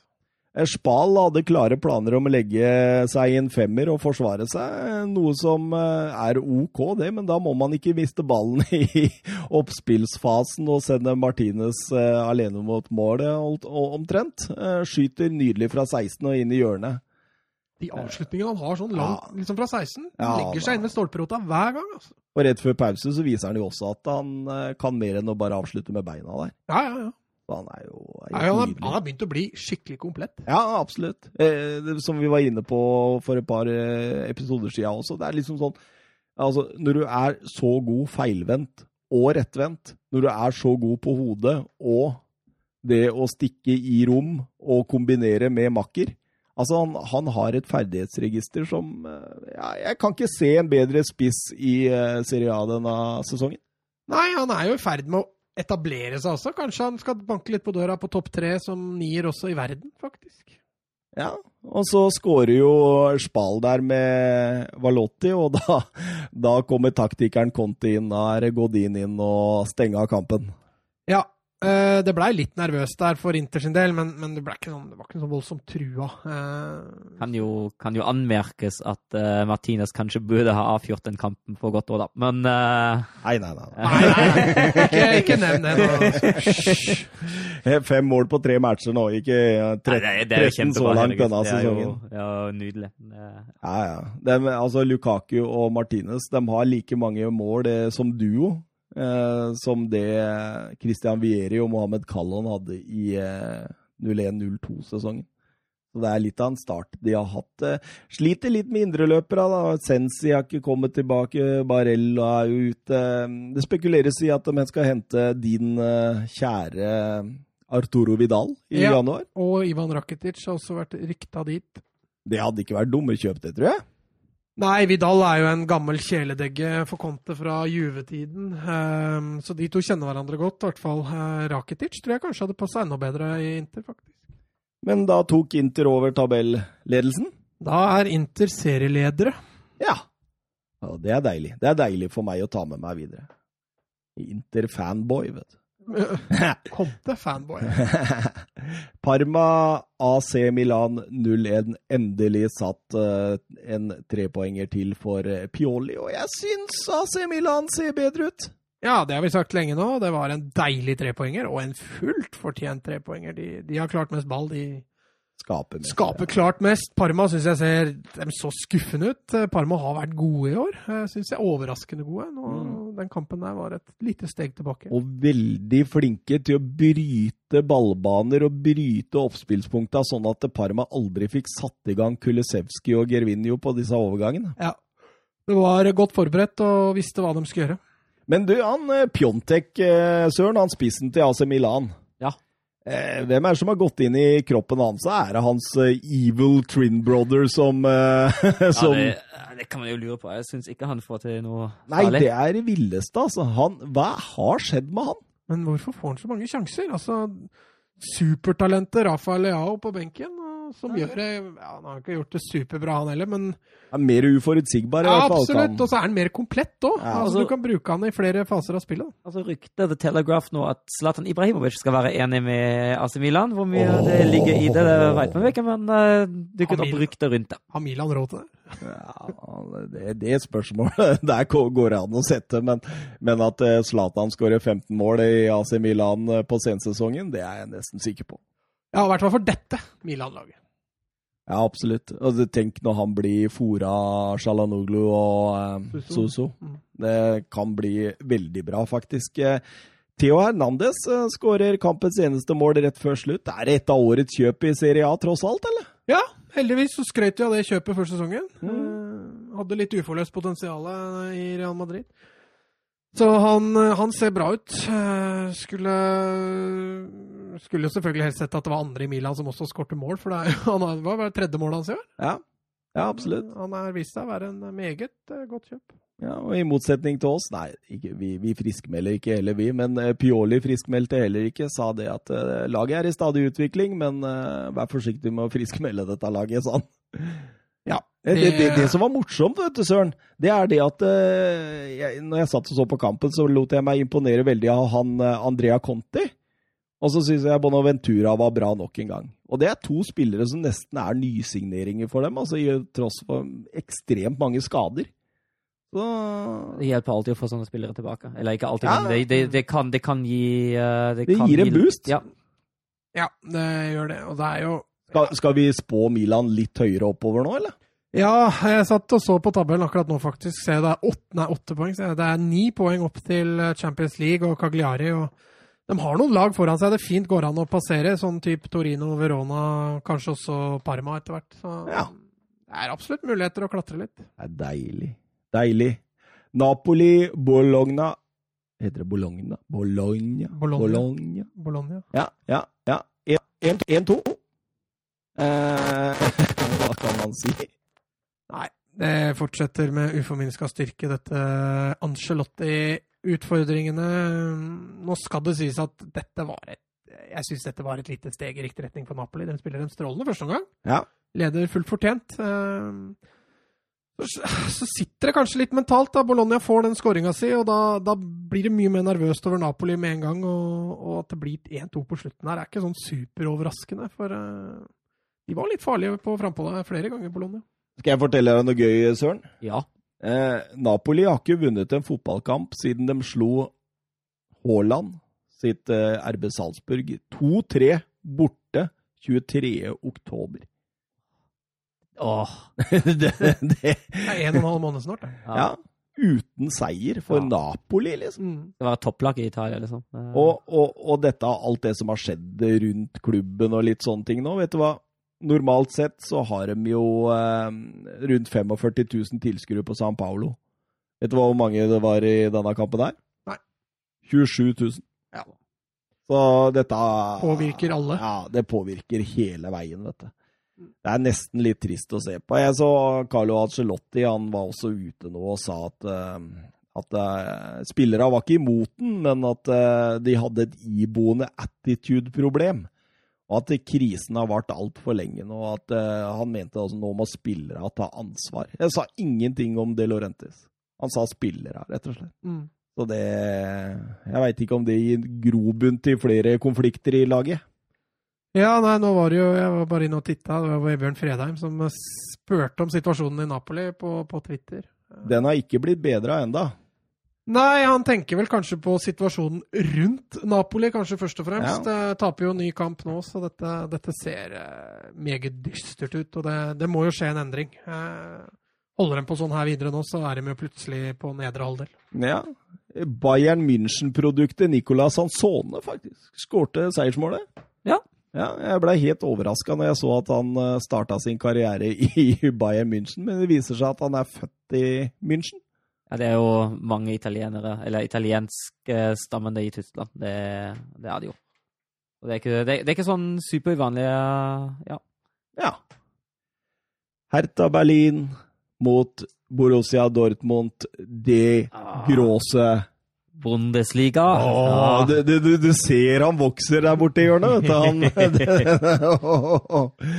Så nå er det vel egentlig bare for programleder Edvardsen å lene seg litt tilbake og nyte Søren Dupker-show her, fordi Hertha møtte Dortmund, eh, Søren, og eh, Dortmund starta jo voldsomt. Ja, starta veldig bra. Leder 2-0 etter, etter, 17 minutter. Dobbel, dobbel av Sancho og Azar. Sancho som uh, våkner litt til livs igjen i det siste. Uh, Azar som spiller mot sitt uh, absolutte favorittlag i Bundesliga. Han skårer sitt aller første mål mot Hertha uh, i Bundesliga for München-Glattberg. Og så han skåret åtte av sine 33 mål mot Hertha WC. Så mm. han, han, liker å møte Hertha WC. Og så er det Jeg syns det er flott spill foran begge målene. Det, det, er ikke bare laksemål. Det er virkelig fint spilte mål. I motsetning til, til det Hertha kommer med etter 35. Da ja, de litt tur i at uh, Darida holder foten inn i et skudd, og så står det 1-2. Ja, ja, stemmer, ja. stemmer. Darida. Og Så blir jo kampen preget av det som skjer rett før pausen det, i andre omgang. Da er det jo uh, Hummels uh, som river ned, river ned motspilleren sin og allerede gult. Det var urutinert av en rutinert stopper. Det syns jeg. Det, Ja. det syns jeg var dårlig. Altså, altså, eh, over... Men, men spilte Favre 3-4-3 der? Ja, han gjorde det. Han gjorde det. Det var overraskende trekk. Men Mm. eh, det fungerte ganske, ganske greit, syns jeg. Så må vi jo nevne at dette var Klinsmanns første kamp. Det var det. Han eh, Stadion var jo utsolgt, så han, eh, han sto jo før kampen med, med telefonen sin og filma filma fansen da de sang, da de sang klubbhymnen. Og, ja. Og Didrik Tofte Nilsen han spør deg hva tenker Søren Døpker om ansettelsen av Klinsmann i Hertha Berlin? Jeg tenker at det er et dårlig valg, egentlig. Gjør du det, altså? Ja, jeg gjør det. Um, Klinsmann er, han er veldig flink som motivator. Uh, han er ikke fullt så flink når det kommer til det taktiske. Så han tatt med seg co-trenerne Alexander Nori, uh, tidligere trener i Werder Bremen, uh, og i Ingolstadt. Det prosjektet gikk fullstendig feil. Og Markus Feldhoff, som er igjen Noris tidligere assistenttrener. De har jeg heller ikke noe særlig tro på. Han som jeg kanskje har mest tro på i hele gjengen, det er det er kondisjonstreneren Leuthardt, som, eh, som er en eh, tidligere bekjent av Felix Magath, som eh, jobbet med Magath i Stuttgart, Bayern, Wolfsburg, Schalke. Um, så altså, jeg tror de blir, de blir fysisk bedre. Jeg tror også de blir bedre motivert, og de kan vinne noen kamper. uh, men uh, ja, altså, Over tid. Over tid tror jeg det er klart, når kondisjonstreneren er den du har mest tro på, da er jeg litt usikker på om dette Altså, prosjektet jeg, jeg, jeg, tror, jeg tror Altså Man veit jo aldri, men uh, jeg har ikke noe særlig tro. Altså, Klinsmann skal jo bare sitte sesongen ut, uh, og hans klare oppgave blir jo da å holde laget i Bundesliga og sørge for at man ikke rykker ned. Mm. Um, og stallen skal være god nok til å klare det. Uh, og så kan man jo vinne, vinne noen kamper med god motivasjon og god kondisjon, men nei, jeg tror ikke det blir noe, det blir noe superbra, det her, altså. Mange tap på rad nå? Fem? Ja, Seks? jeg tror det. Fem. Mm. Men, Men- er det noe framtid for Jarstein og Skjelbred? i- Skjelbred spilte jo, spilte jo mot Dortmund. Uh, Jarstein er jo, er jo Er suspendert nå, ja. Ja, han er jo førstekeeperen. Han uh, fikk, jo, fikk jo litt karantene etter den uh, fullstendig klønete utvisningen mot Augsburg forrige helg. Da... Ja, han fikk karantene. Ja. Fikk en mer karantene av klubben? Nei, han gjorde ikke det. Han fikk, han fikk, jeg tror han fikk to kamper av, eh, av DFL. Hvordan gjorde Krafta, erstatteren? Nei, han, eh, han gjorde det greit. Ja, han Ja. hadde vel en der som eh, var Ja, litt sånn ja, eh, ja. Er helt, helt, helt Han greit. virker litt usikker, liksom, litt sånn prega som en keeper som har sittet mye på benk det siste, syns jeg. Ja, han, jeg syns han, jeg synes han, han, han har en veldig svak involvering helgen, helgen før mot Augsburg. Da, Ja, stemmer, stemmer. Ja. Så Jarstein er tilbake igjen snart. Ja. Det er jeg ganske sikker på. ja, jeg er Steinar soleklar førstekeeper. Det er ingen diskusjon i klubben. Det, Men eh, jeg så at det også at eh, under Ante Kovic så spilte jo Hertha Berlin stort sett eh, 4-2-3-1, men uh, Klinsmann han kjørte Emery-formasjon 3-4-1-2. Eh, ja, det Mm. gjorde han. Så det blir spennende å se om han fortsetter med den. Han hadde Ja. Gruic og, og Skjelbred eh, som de to hva skal vi si, sittende. Ja. Eh, kan jo være spennende. Gruic Ja. har ikke hatt en veldig god sesong så langt. Så Nei, men han altså- trenger vel kanskje en god motivator. Ut ifra de spillertypene, uh, syns jeg egentlig det er ikke så dumt. For du har Skjelvet som litt mer dyptliggende, og så har jeg Grujic som en som, uh, som gjerne går framover, som er en, som er en veldig brukbar box-to-box-player. Uh, Iallfall for, for Hertha BSC. Men uh, han har jo, som du sier, ikke fungert denne sesongen her. Så det, det, det blir spennende å se om Klinsmann får litt, uh, litt fatt på han igjen. Eh, Vi kjører videre vi til Paderborn mot eh, RB eh, Leipzig. dette var gøy. Ja, og Patrick Schick sitt første mål der, da. Ja. Åh, det er fint. Patrick Schick, liksom. Jeg, han latterliggjort i Roma, og så Er han latterliggjort i Roma? Nei, ja, han var jo det. Han ble, jeg så jo på han som et talent. Ja, Ja, han blei jo latterliggjort i Roma. Jeg husker jo alle de der fan-zone-meldingene på han og sånt, at han var totalt ubrukelig og klarte aldri å skåre mål. og Det var ikke måte på, men noen, noen som kan få skikk på den, så er det Pling! Så er det vel Julian Nagelsmann? Ja, det tror jeg. Ja. Altså, jo, er jo bra gjort det der. Uh, først går vi sin uh, Start-elver-debut. Første gang han står i Start-elveren for Leipzig Bundesliga, og så skårer han uh, etter tre minutter. Ja. Så øker jo Sabitza ett minutt seinere. Med et knallhardt skudd som går midt i mål. Jeg skjønner ikke hvordan ikke keeperen Nei, eh, det, det, den der, men, den der. men, men, men det er litt sånn som uh, Ter Stegen eh, hadde gjort hvis han ikke skulle redde de, de der mot Atletico Ja, Madrid. eneste forskjellen er, måtte Ja, dukka, altså- eller Men altså forskjellen er jo at den fra Sabitza kommer fra 18 meter, de, fra, de på Testegen kom fra, kom fra 3-4-5. Det, det mener jeg er da en eh, signifikant forskjell. Bare å hisse deg opp nå. Eh, Timo Werner eh, 3-0 før uh, ut i annen omgang. De slakker litt av der, og Streli Mamba og Klaus Gyasso Her er han med hjelmen? Yasola? Ja, ja. Ja. Det var han med hjelmen, ikke sant? Ja, ja, Ja, var, Hvorfor spiller han med hjelm? Han oppfordrer alle til å spille med hjelm. Gjør han det? Ja, Oi! for han har ikke noe spesiell hodeskade. Bare Nei, at han, han mener at det beskytter Han, han oppfordrer, gjør han ikke det? ja, jeg tror det. Ja, han vil at alle skal spille med hjelm. Jøss. Så han går foran som et ja, i gåseøyne godt eksempel. Ja. ja, jo, jo, men altså Se på karrieren til uh, Ma Mason i Tottenham. Men uh, han blei vel uh, omtrent overfalt av Var det John Terry der, eller hva det var? Jeg husker ikke hvem det var. Han eh, måtte stoppe med fotballen han i tidlig alder. Ja. Peder Sjekk, som du sier, han var en annen grusom hodeskade. Han fikk jo beskjed om at det er en sånn til, så kan du ta kvelden. Ja. Så ja, men, men, men, men Anstreli Mamba det er en av de råeste bakromspissene jeg har sett på lenge. Ja, Vet du hvor han spilte forrige sesong? Ja, det er Cottbus. Ja, han rykka ned fra tredje liga med Energi Cottbus. Men, men ekstrem energi i bakrommet der, Ja, hele veien, altså. Fikk jo også annullert et mål til for offside, rett, Mm. uh, rett etter pausen. Ja, absolutt. Jeg syns han Ja, var meget bra. Fem mål på ni kamper nå. 25-åringen uh, der som ja, Jeg sy sy syns han ser ekstremt Hvor mye kjøpte de han for? Har du kontroll på det? eller? Jeg tror, det, jeg tror han kom gratis. Ja. Jeg tror Paderborn har henta nesten alle spillere gratis, og de, jeg, jeg tror de har betalt for for en som de har på lån. Jeg hadde, jeg hadde kontroll på det. Jeg har satt opp en oversikt. De har eh, betalt for, de har betalt for én, og han er på lån. Ja, jeg tror de har betalt for de 100 000 til, Ja, til Mainz, tror jeg. Veit du hvor eh, dyrt det lånet på Giovanni Lo Celso er for Spurs, eller? Ja, ja, Ja, ja. det er ganske heftig. Eh, Det som overraska meg litt her nå, er at jeg har, har jo begynt å se på RB Leipzig som litt sånn det laget som virker mest solid. Og så slipper de til eh, Paderborn sånn på slutten. Det, det overraska meg, altså. Ja, Ja, Dortmund presterte jo mye av det samme. Det er vel litt undervurdering òg. Altså, når du ligger under 3-0 mot Leipzig etter en halvtime, og Leipzig føler at oi, Mm. det var lett. ja. Det er klart det, du senker deg litt, vet du. Han der eh, Dem, Diego Dem, er det det han heter, på midtbanen der? Demme, ja. Ja, Han var ute og sa det etter kampen, at det var så vanskelig å gire opp igjen når de fikk den 3-2-skåringen. Mm.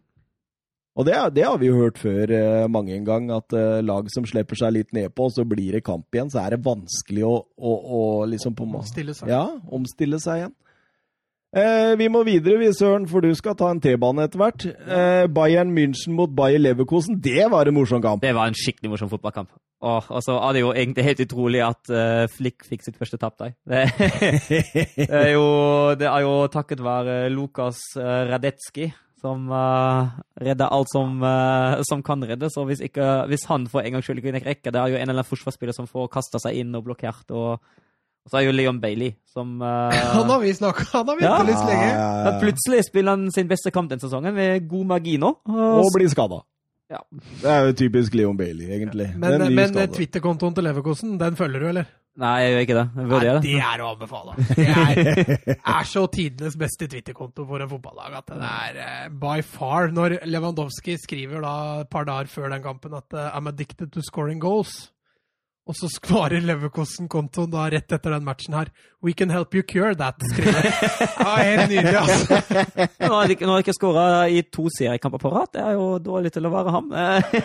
Ja, det, han ble bare nummer 80 i Ballon Ja, d'Or-kåringen ja, han må skjerpe seg. Ja, og så- og så må det sies at uh, Thomas Müller hadde en helt nydelig statistikk før, den, uh, før denne kampen. Uh, han hadde skåra i 87 seriekamper for Bayern i Bundesliga, og Bayern har ikke tapt en eneste av dem. I Ja. kamp 88 kom det tap.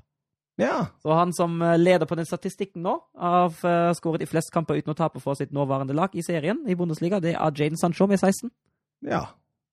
Men, uh, Ja, men det, I Bundesliga, Ja. men han eh, Thomas Müller han hadde jo ikke skåret mål på 1356 minutter. Ja, altså, de 80, 87 kampene var i 2010 eller noe sånt. Men eh, Lukas Radetsjki, ja, for en kamp. Og, Ja, du hadde den jo på årets lag, du. Ja, ja, men jeg faen er fantastisk. Men, men så tenker jeg også det at eh, hvis du ser måla til Leverkosen, så er det nøyaktig egentlig samme type mål. Altså Kevin Folland, som spiller nydelig gjennom ved begge anledninger, til Leon Bailey, som setter på speeden og plasserer nydelig. Det er liksom sånn er, det, når- du står høyt, og så misser du den på en måte den første pressleddet der, og så går ballen til Vollan, og det går så fort framover. Det, det er nesten ikke noe å gjøre, vet du. Nei, Så du må ta det valget, da. Og Hansi Flik han tok jo det valget at vi må stå høyt, da. Og når det blir spilt av da Ja, synd, trist, leit, altså. Da er du i trøbbel. Ja. Ja. Havertz på benken hele kampen. Ja, eh, men vi snakka litt om Petter Bosch i den Bundesliga-spesialen, hvor vi skriver at dette Leverkosen-prosjektet var eh, Virker å være litt uh, dødt. Uh, dette var vel den beste prestasjonen Leverkosten har hatt i hele år. Ja, Ja. ja. og så kommer, altså kommer disse Det ser ut som det kommer seg litt nå. Jeg hadde jo opptur i Champions League med både Atletico og Lokomotiv Moskva. Mm. Så det, det kan hende at de begynner å komme litt på riktig vei. Men altså selvfølgelig, det er jo egentlig ikke en kamp de, de skal vinne. Uh, egentlig skal jo Bayern ta det her hvis de er litt mer effektive. Ja, ja, ja. Altså, Bayern er jo soleklart det beste laget. Ingen tvil om det. Ja, altså, jeg tenkte jo Jeg har ikke sjekka expected goals der, men det må jo være noen fem, seks, sju, åtte, ni. Altså, De har 23 avslutninger, 11 på mål og 75 Ja. ball possession, så det er, det er totalt overkjøring. Og Lukas Radeski han spilte faktisk de siste 20 minuttene av første omgangen uten konta- kontaktlinse Ja. på det ene øyet. Ja, han Så han sa- var blind på et, på jeg, jeg begynte å gråte da dommeren la til seks minutter i første Ja, og Jonathan Tao fikk jo marsjordre. Ja, din favoritt, som vi sier. Ja. Ja. Ja, jeg syns det var korrekt. Ja, Sistemann er helt greit. Så veldig mye, ja. Så lenge ikke det blir straffe der. Det er vel noe som heter at du ikke skal straffes dobbelt. Men Nei, hvis du, ikke hvis du prøver å ta ballen. og Det prøver han jo. Han er bare ekstremt seint ute. Det, som alltid. Ja. Han er født seint, da. Borussia München Gladbach Freiburg. Eh, Borussia München Gladbach reiser seg etter en eh, svak forestilling mot Union. Ja, Det der 3-1-målet, er det det? Hvor um, Ja, til Patrick eh, Herman. Å, fy fader. Mm. Det er uh, fotballgodteri, altså. Ja, det, det, var, det var absolutt deilig. Marco Rose Ja, spilte jo mot overraskelseslaget Freiburg, eh, Søren. Ja. men eh, Freiburg-sesongen vel begynner vel så vidt å normalisere seg litt nå. Ja, den gjør nok det. det mm. nå, de, de burde også allerede ha tapt forrige helg mot Leverkosen. Da var de ekstremt heldige at de, at de bare slapp med ett baklengsmål. Helt Så, riktig. Ja, nå, nå ser vi egentlig at eh, ja, de, de er nok ikke topplag. Men uh, midt på tabellen, det kan de fint klare. Ja, absolutt. Eh, for en annen omgang av Brel Bolo, da. Ja, Han bommer jo på straffe. Han bommer på straffa, han skårer to sånn mål og har ett assist. Det er, det, er, det er helt fantastisk. Jeg, jeg måtte kikke litt på sommerkjøpa til Marco Rose, fordi det, det var så mange spillere der som uh, imponerte meg. Inkludert han der vi hadde en quiz om i Bundesliga spesial, han uh, Benze Baini. Uh, Syns han var veldig bra, egentlig. Jeg kan ikke se Oscar Wendt ta den rollen tilbake med det første. Eh, og så ser jeg han kjøpte Stefan Liner for 12,5 millioner euro. Det er et strålende kjøp. Embolo for 10 millioner euro.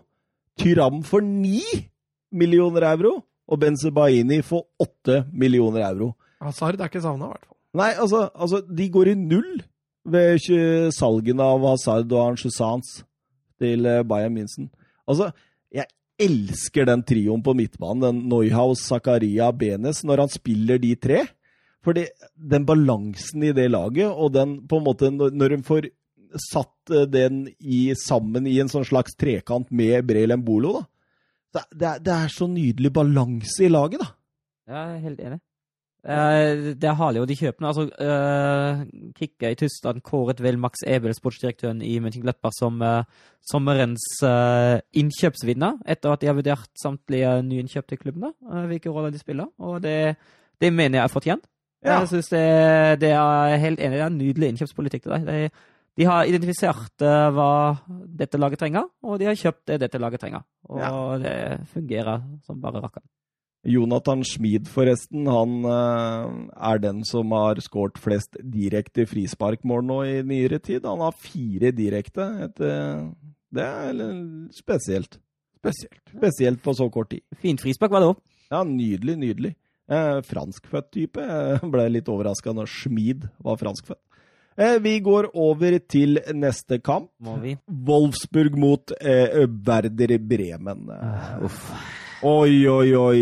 Du ble, ditt lag, Søren, blei senka av Milot Rashika. Ja, som gjør en fantastisk kamp. Ja, som Mats hadde inne på årets lag, eh, i hvert fall på en benkeplass. Det den på benken, hvis jeg ikke husker rett feil. Mm. Men det var vel ikke 100% fortjent med Bremen-seier der? Du var Nei. vel, kan ikke ha vært så misfornøyd? Eller du er selvfølgelig Nei, jeg misfornøyd misfornøyd med resultatet, ja. Men altså, jeg syns egentlig det, det burde ha vært uavgjort. Uh, altså, jeg, jeg synes det hadde ikke vært ufortjent om Wolfsburg hadde vunnet. Nei, men altså Vi, vi by- på by for, på, for, på, for rom bakover. Uh, klønete Er litt klønete på defensive overgangsspillet. Uh, og er ikke effektive nok uh, for en mål. Særlig Joao Victor, som må skåre et mål. Eh, men han har, slitt med det. Han er, han er, han er god til å, ta, til å ta de løpene inn i, inn i boksen der det blir farlig, og så sliter han litt med å få, med få avslutta.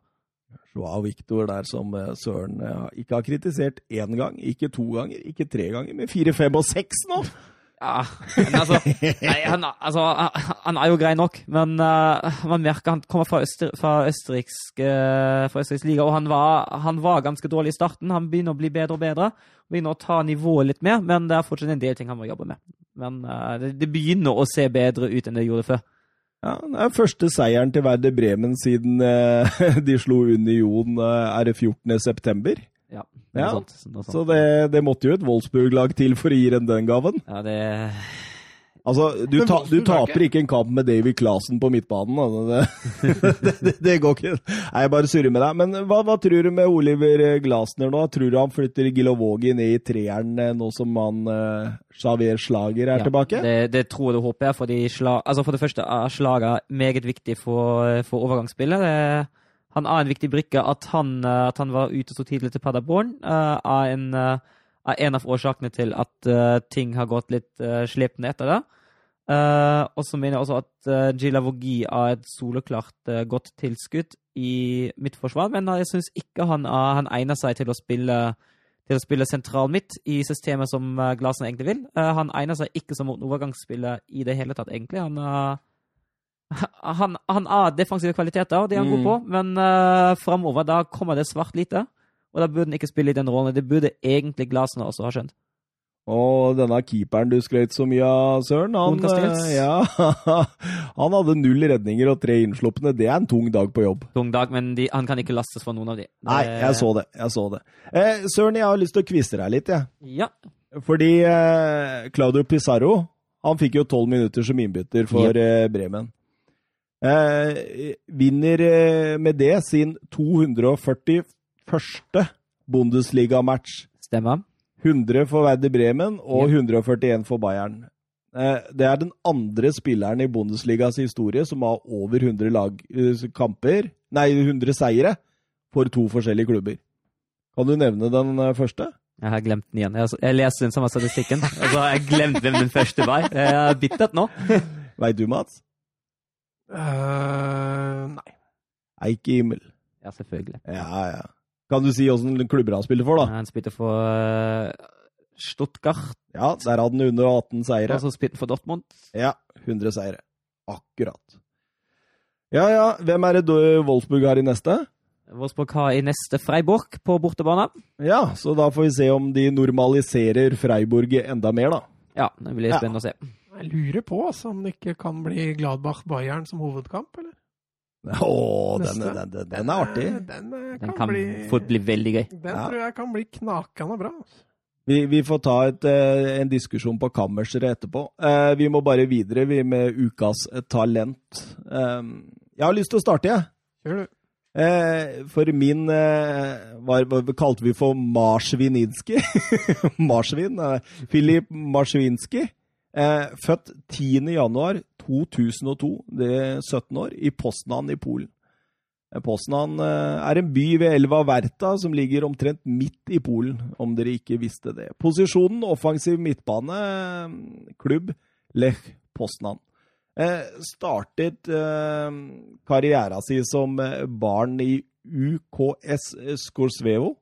Eh, ble henta allerede som sjuåring til Lech Poznan. Eh, bemerka seg tidlig alder, eh, tidlig tatt opp også på Polens U16-landslag, og fikk sin debut for Lech Poznans A-lag i ekstraklassa i 12. i 12.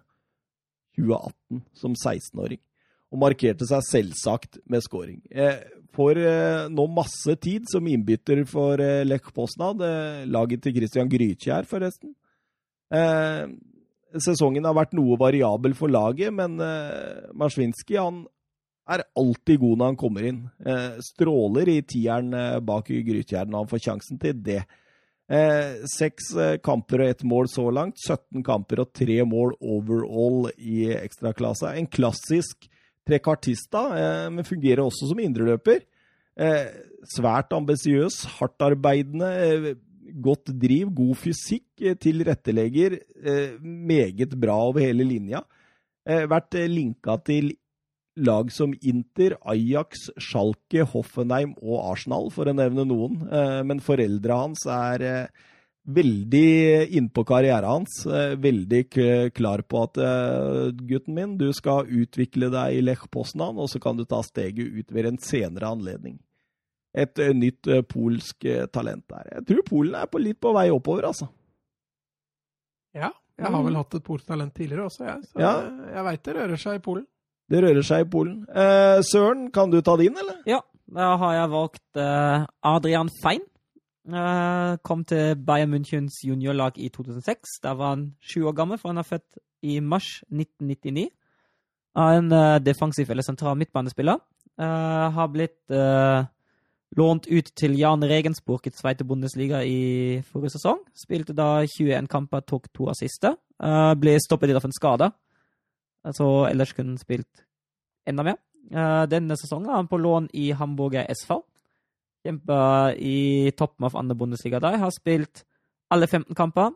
Alle fra start til slutt. Uh, Ett mål, tre assist. Uh, men han er på lån og skal tilbake til Bayern etter sesongen. Etter alt som Eller etter alt man sier nå. Mm. han er nåværende U21-landslagsspiller for Tyskland. Spilt fem kamper da. Én mål eller én skåring, én assist. Um, han er en uh, meget sterk, uh, dypliggende playmaker.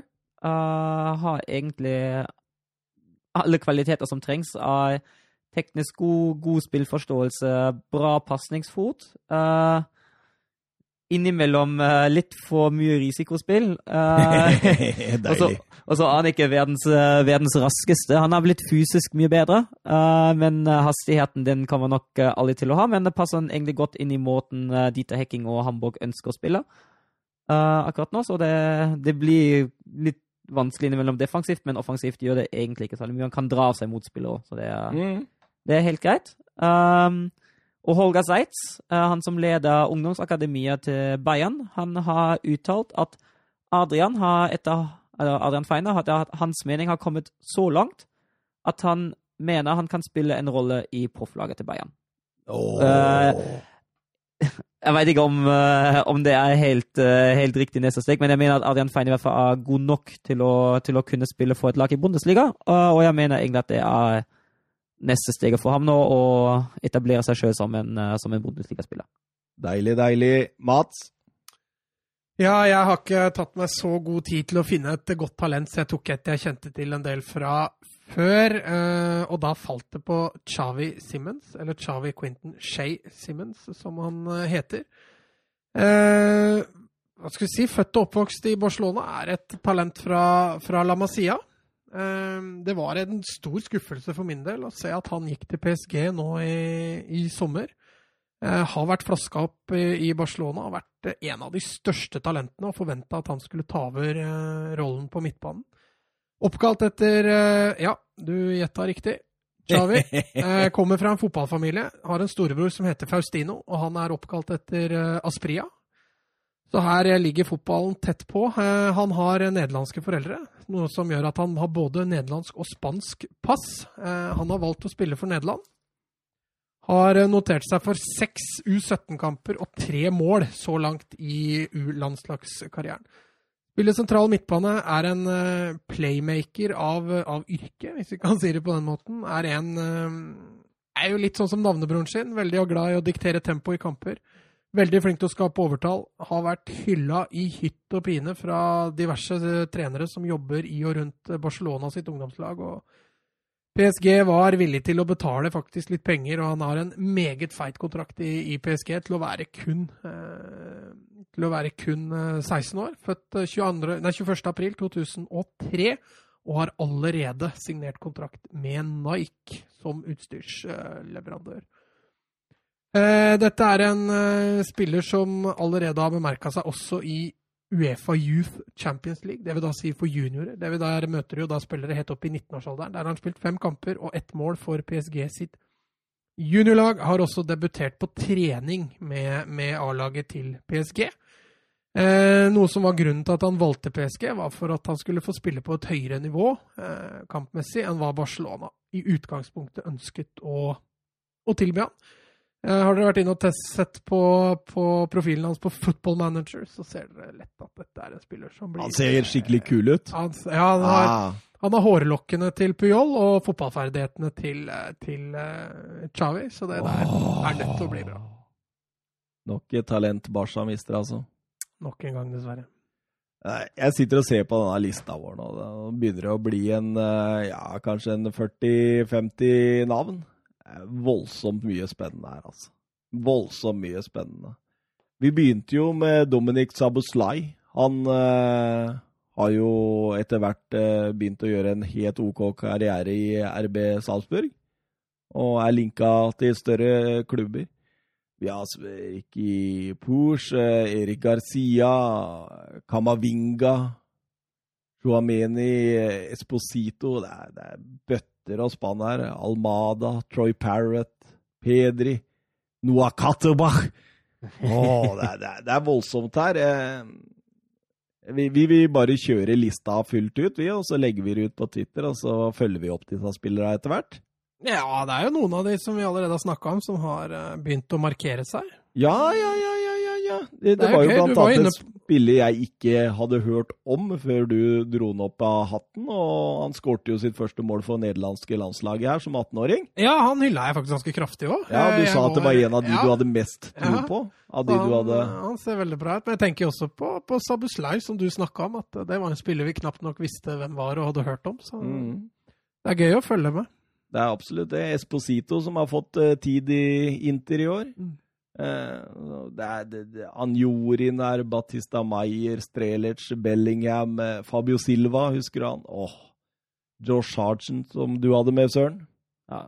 Peglov, Pedri, Auchiche, Kamara. Åh, i hattaren. Litt nedadgående kurve nå i PSG, PSV, har jeg sett. Men eh, det er jo ikke for seint når du er 17-18. Nei da. Ai, ai, ai. Nei. Det lakker og lir, som man sier. Ja, det blei vel drøye to timer i dag òg. Ja, to timer og ti. Ja, Mm. på sin plass. Det Truls, holdt jeg Truls. Nå Søren skal kjøres til T-banen nå. Har jeg blitt Truls nå, ja? Truls Søren. Hva, hva var det du kalte den når du teksta meg? Jeg veit ikke. Da, da også, Jeg skjønte jo men, men, ingenting, men, men, da var det den der Da var det den der Autokorrekten. autokorrekten som slo, slo inn, skjønner du. Fader, det skal jeg finne fram. Jeg skjønte jo ingenting jeg, når du sendte meg den meldinga. Jøss, nå har han skaffa gjest som jeg ikke veit Var det Torstein? Torstein var det. Torstein Fink? Ja, Ja, bra det. Torstein var det. Ah, Torstein. bare, Torstein. Men fader, er Torstein? Har du fått med gjest jeg ikke veit om engang? Nei, vi eh, sier takk for følget, dere som klarte å holde ut eh, to timer og tolv minutter. Eh, vi er glad i dere. Hør på. Eh, kommenter eh, på Twitter. Finn oss gjerne også på Facebook. Eh, forhåpentligvis så kommer det en konkurranse eller to utover der også. Og eh, gi oss gjerne rating på iTunes. Helst fem stjerner, da. Vi fortjener det, Søren. Ja, det syns jeg. Torstein. Truls. Ta med hva du vil. Eh, ja, det, det, det har du sagt før, så da, da blir det Torstein. Blir det Tor Torstein Dupker. Eh, Nei, eh, skal vi alle si ha det i kor, eller? Ja. Én, to, tre. Ha det.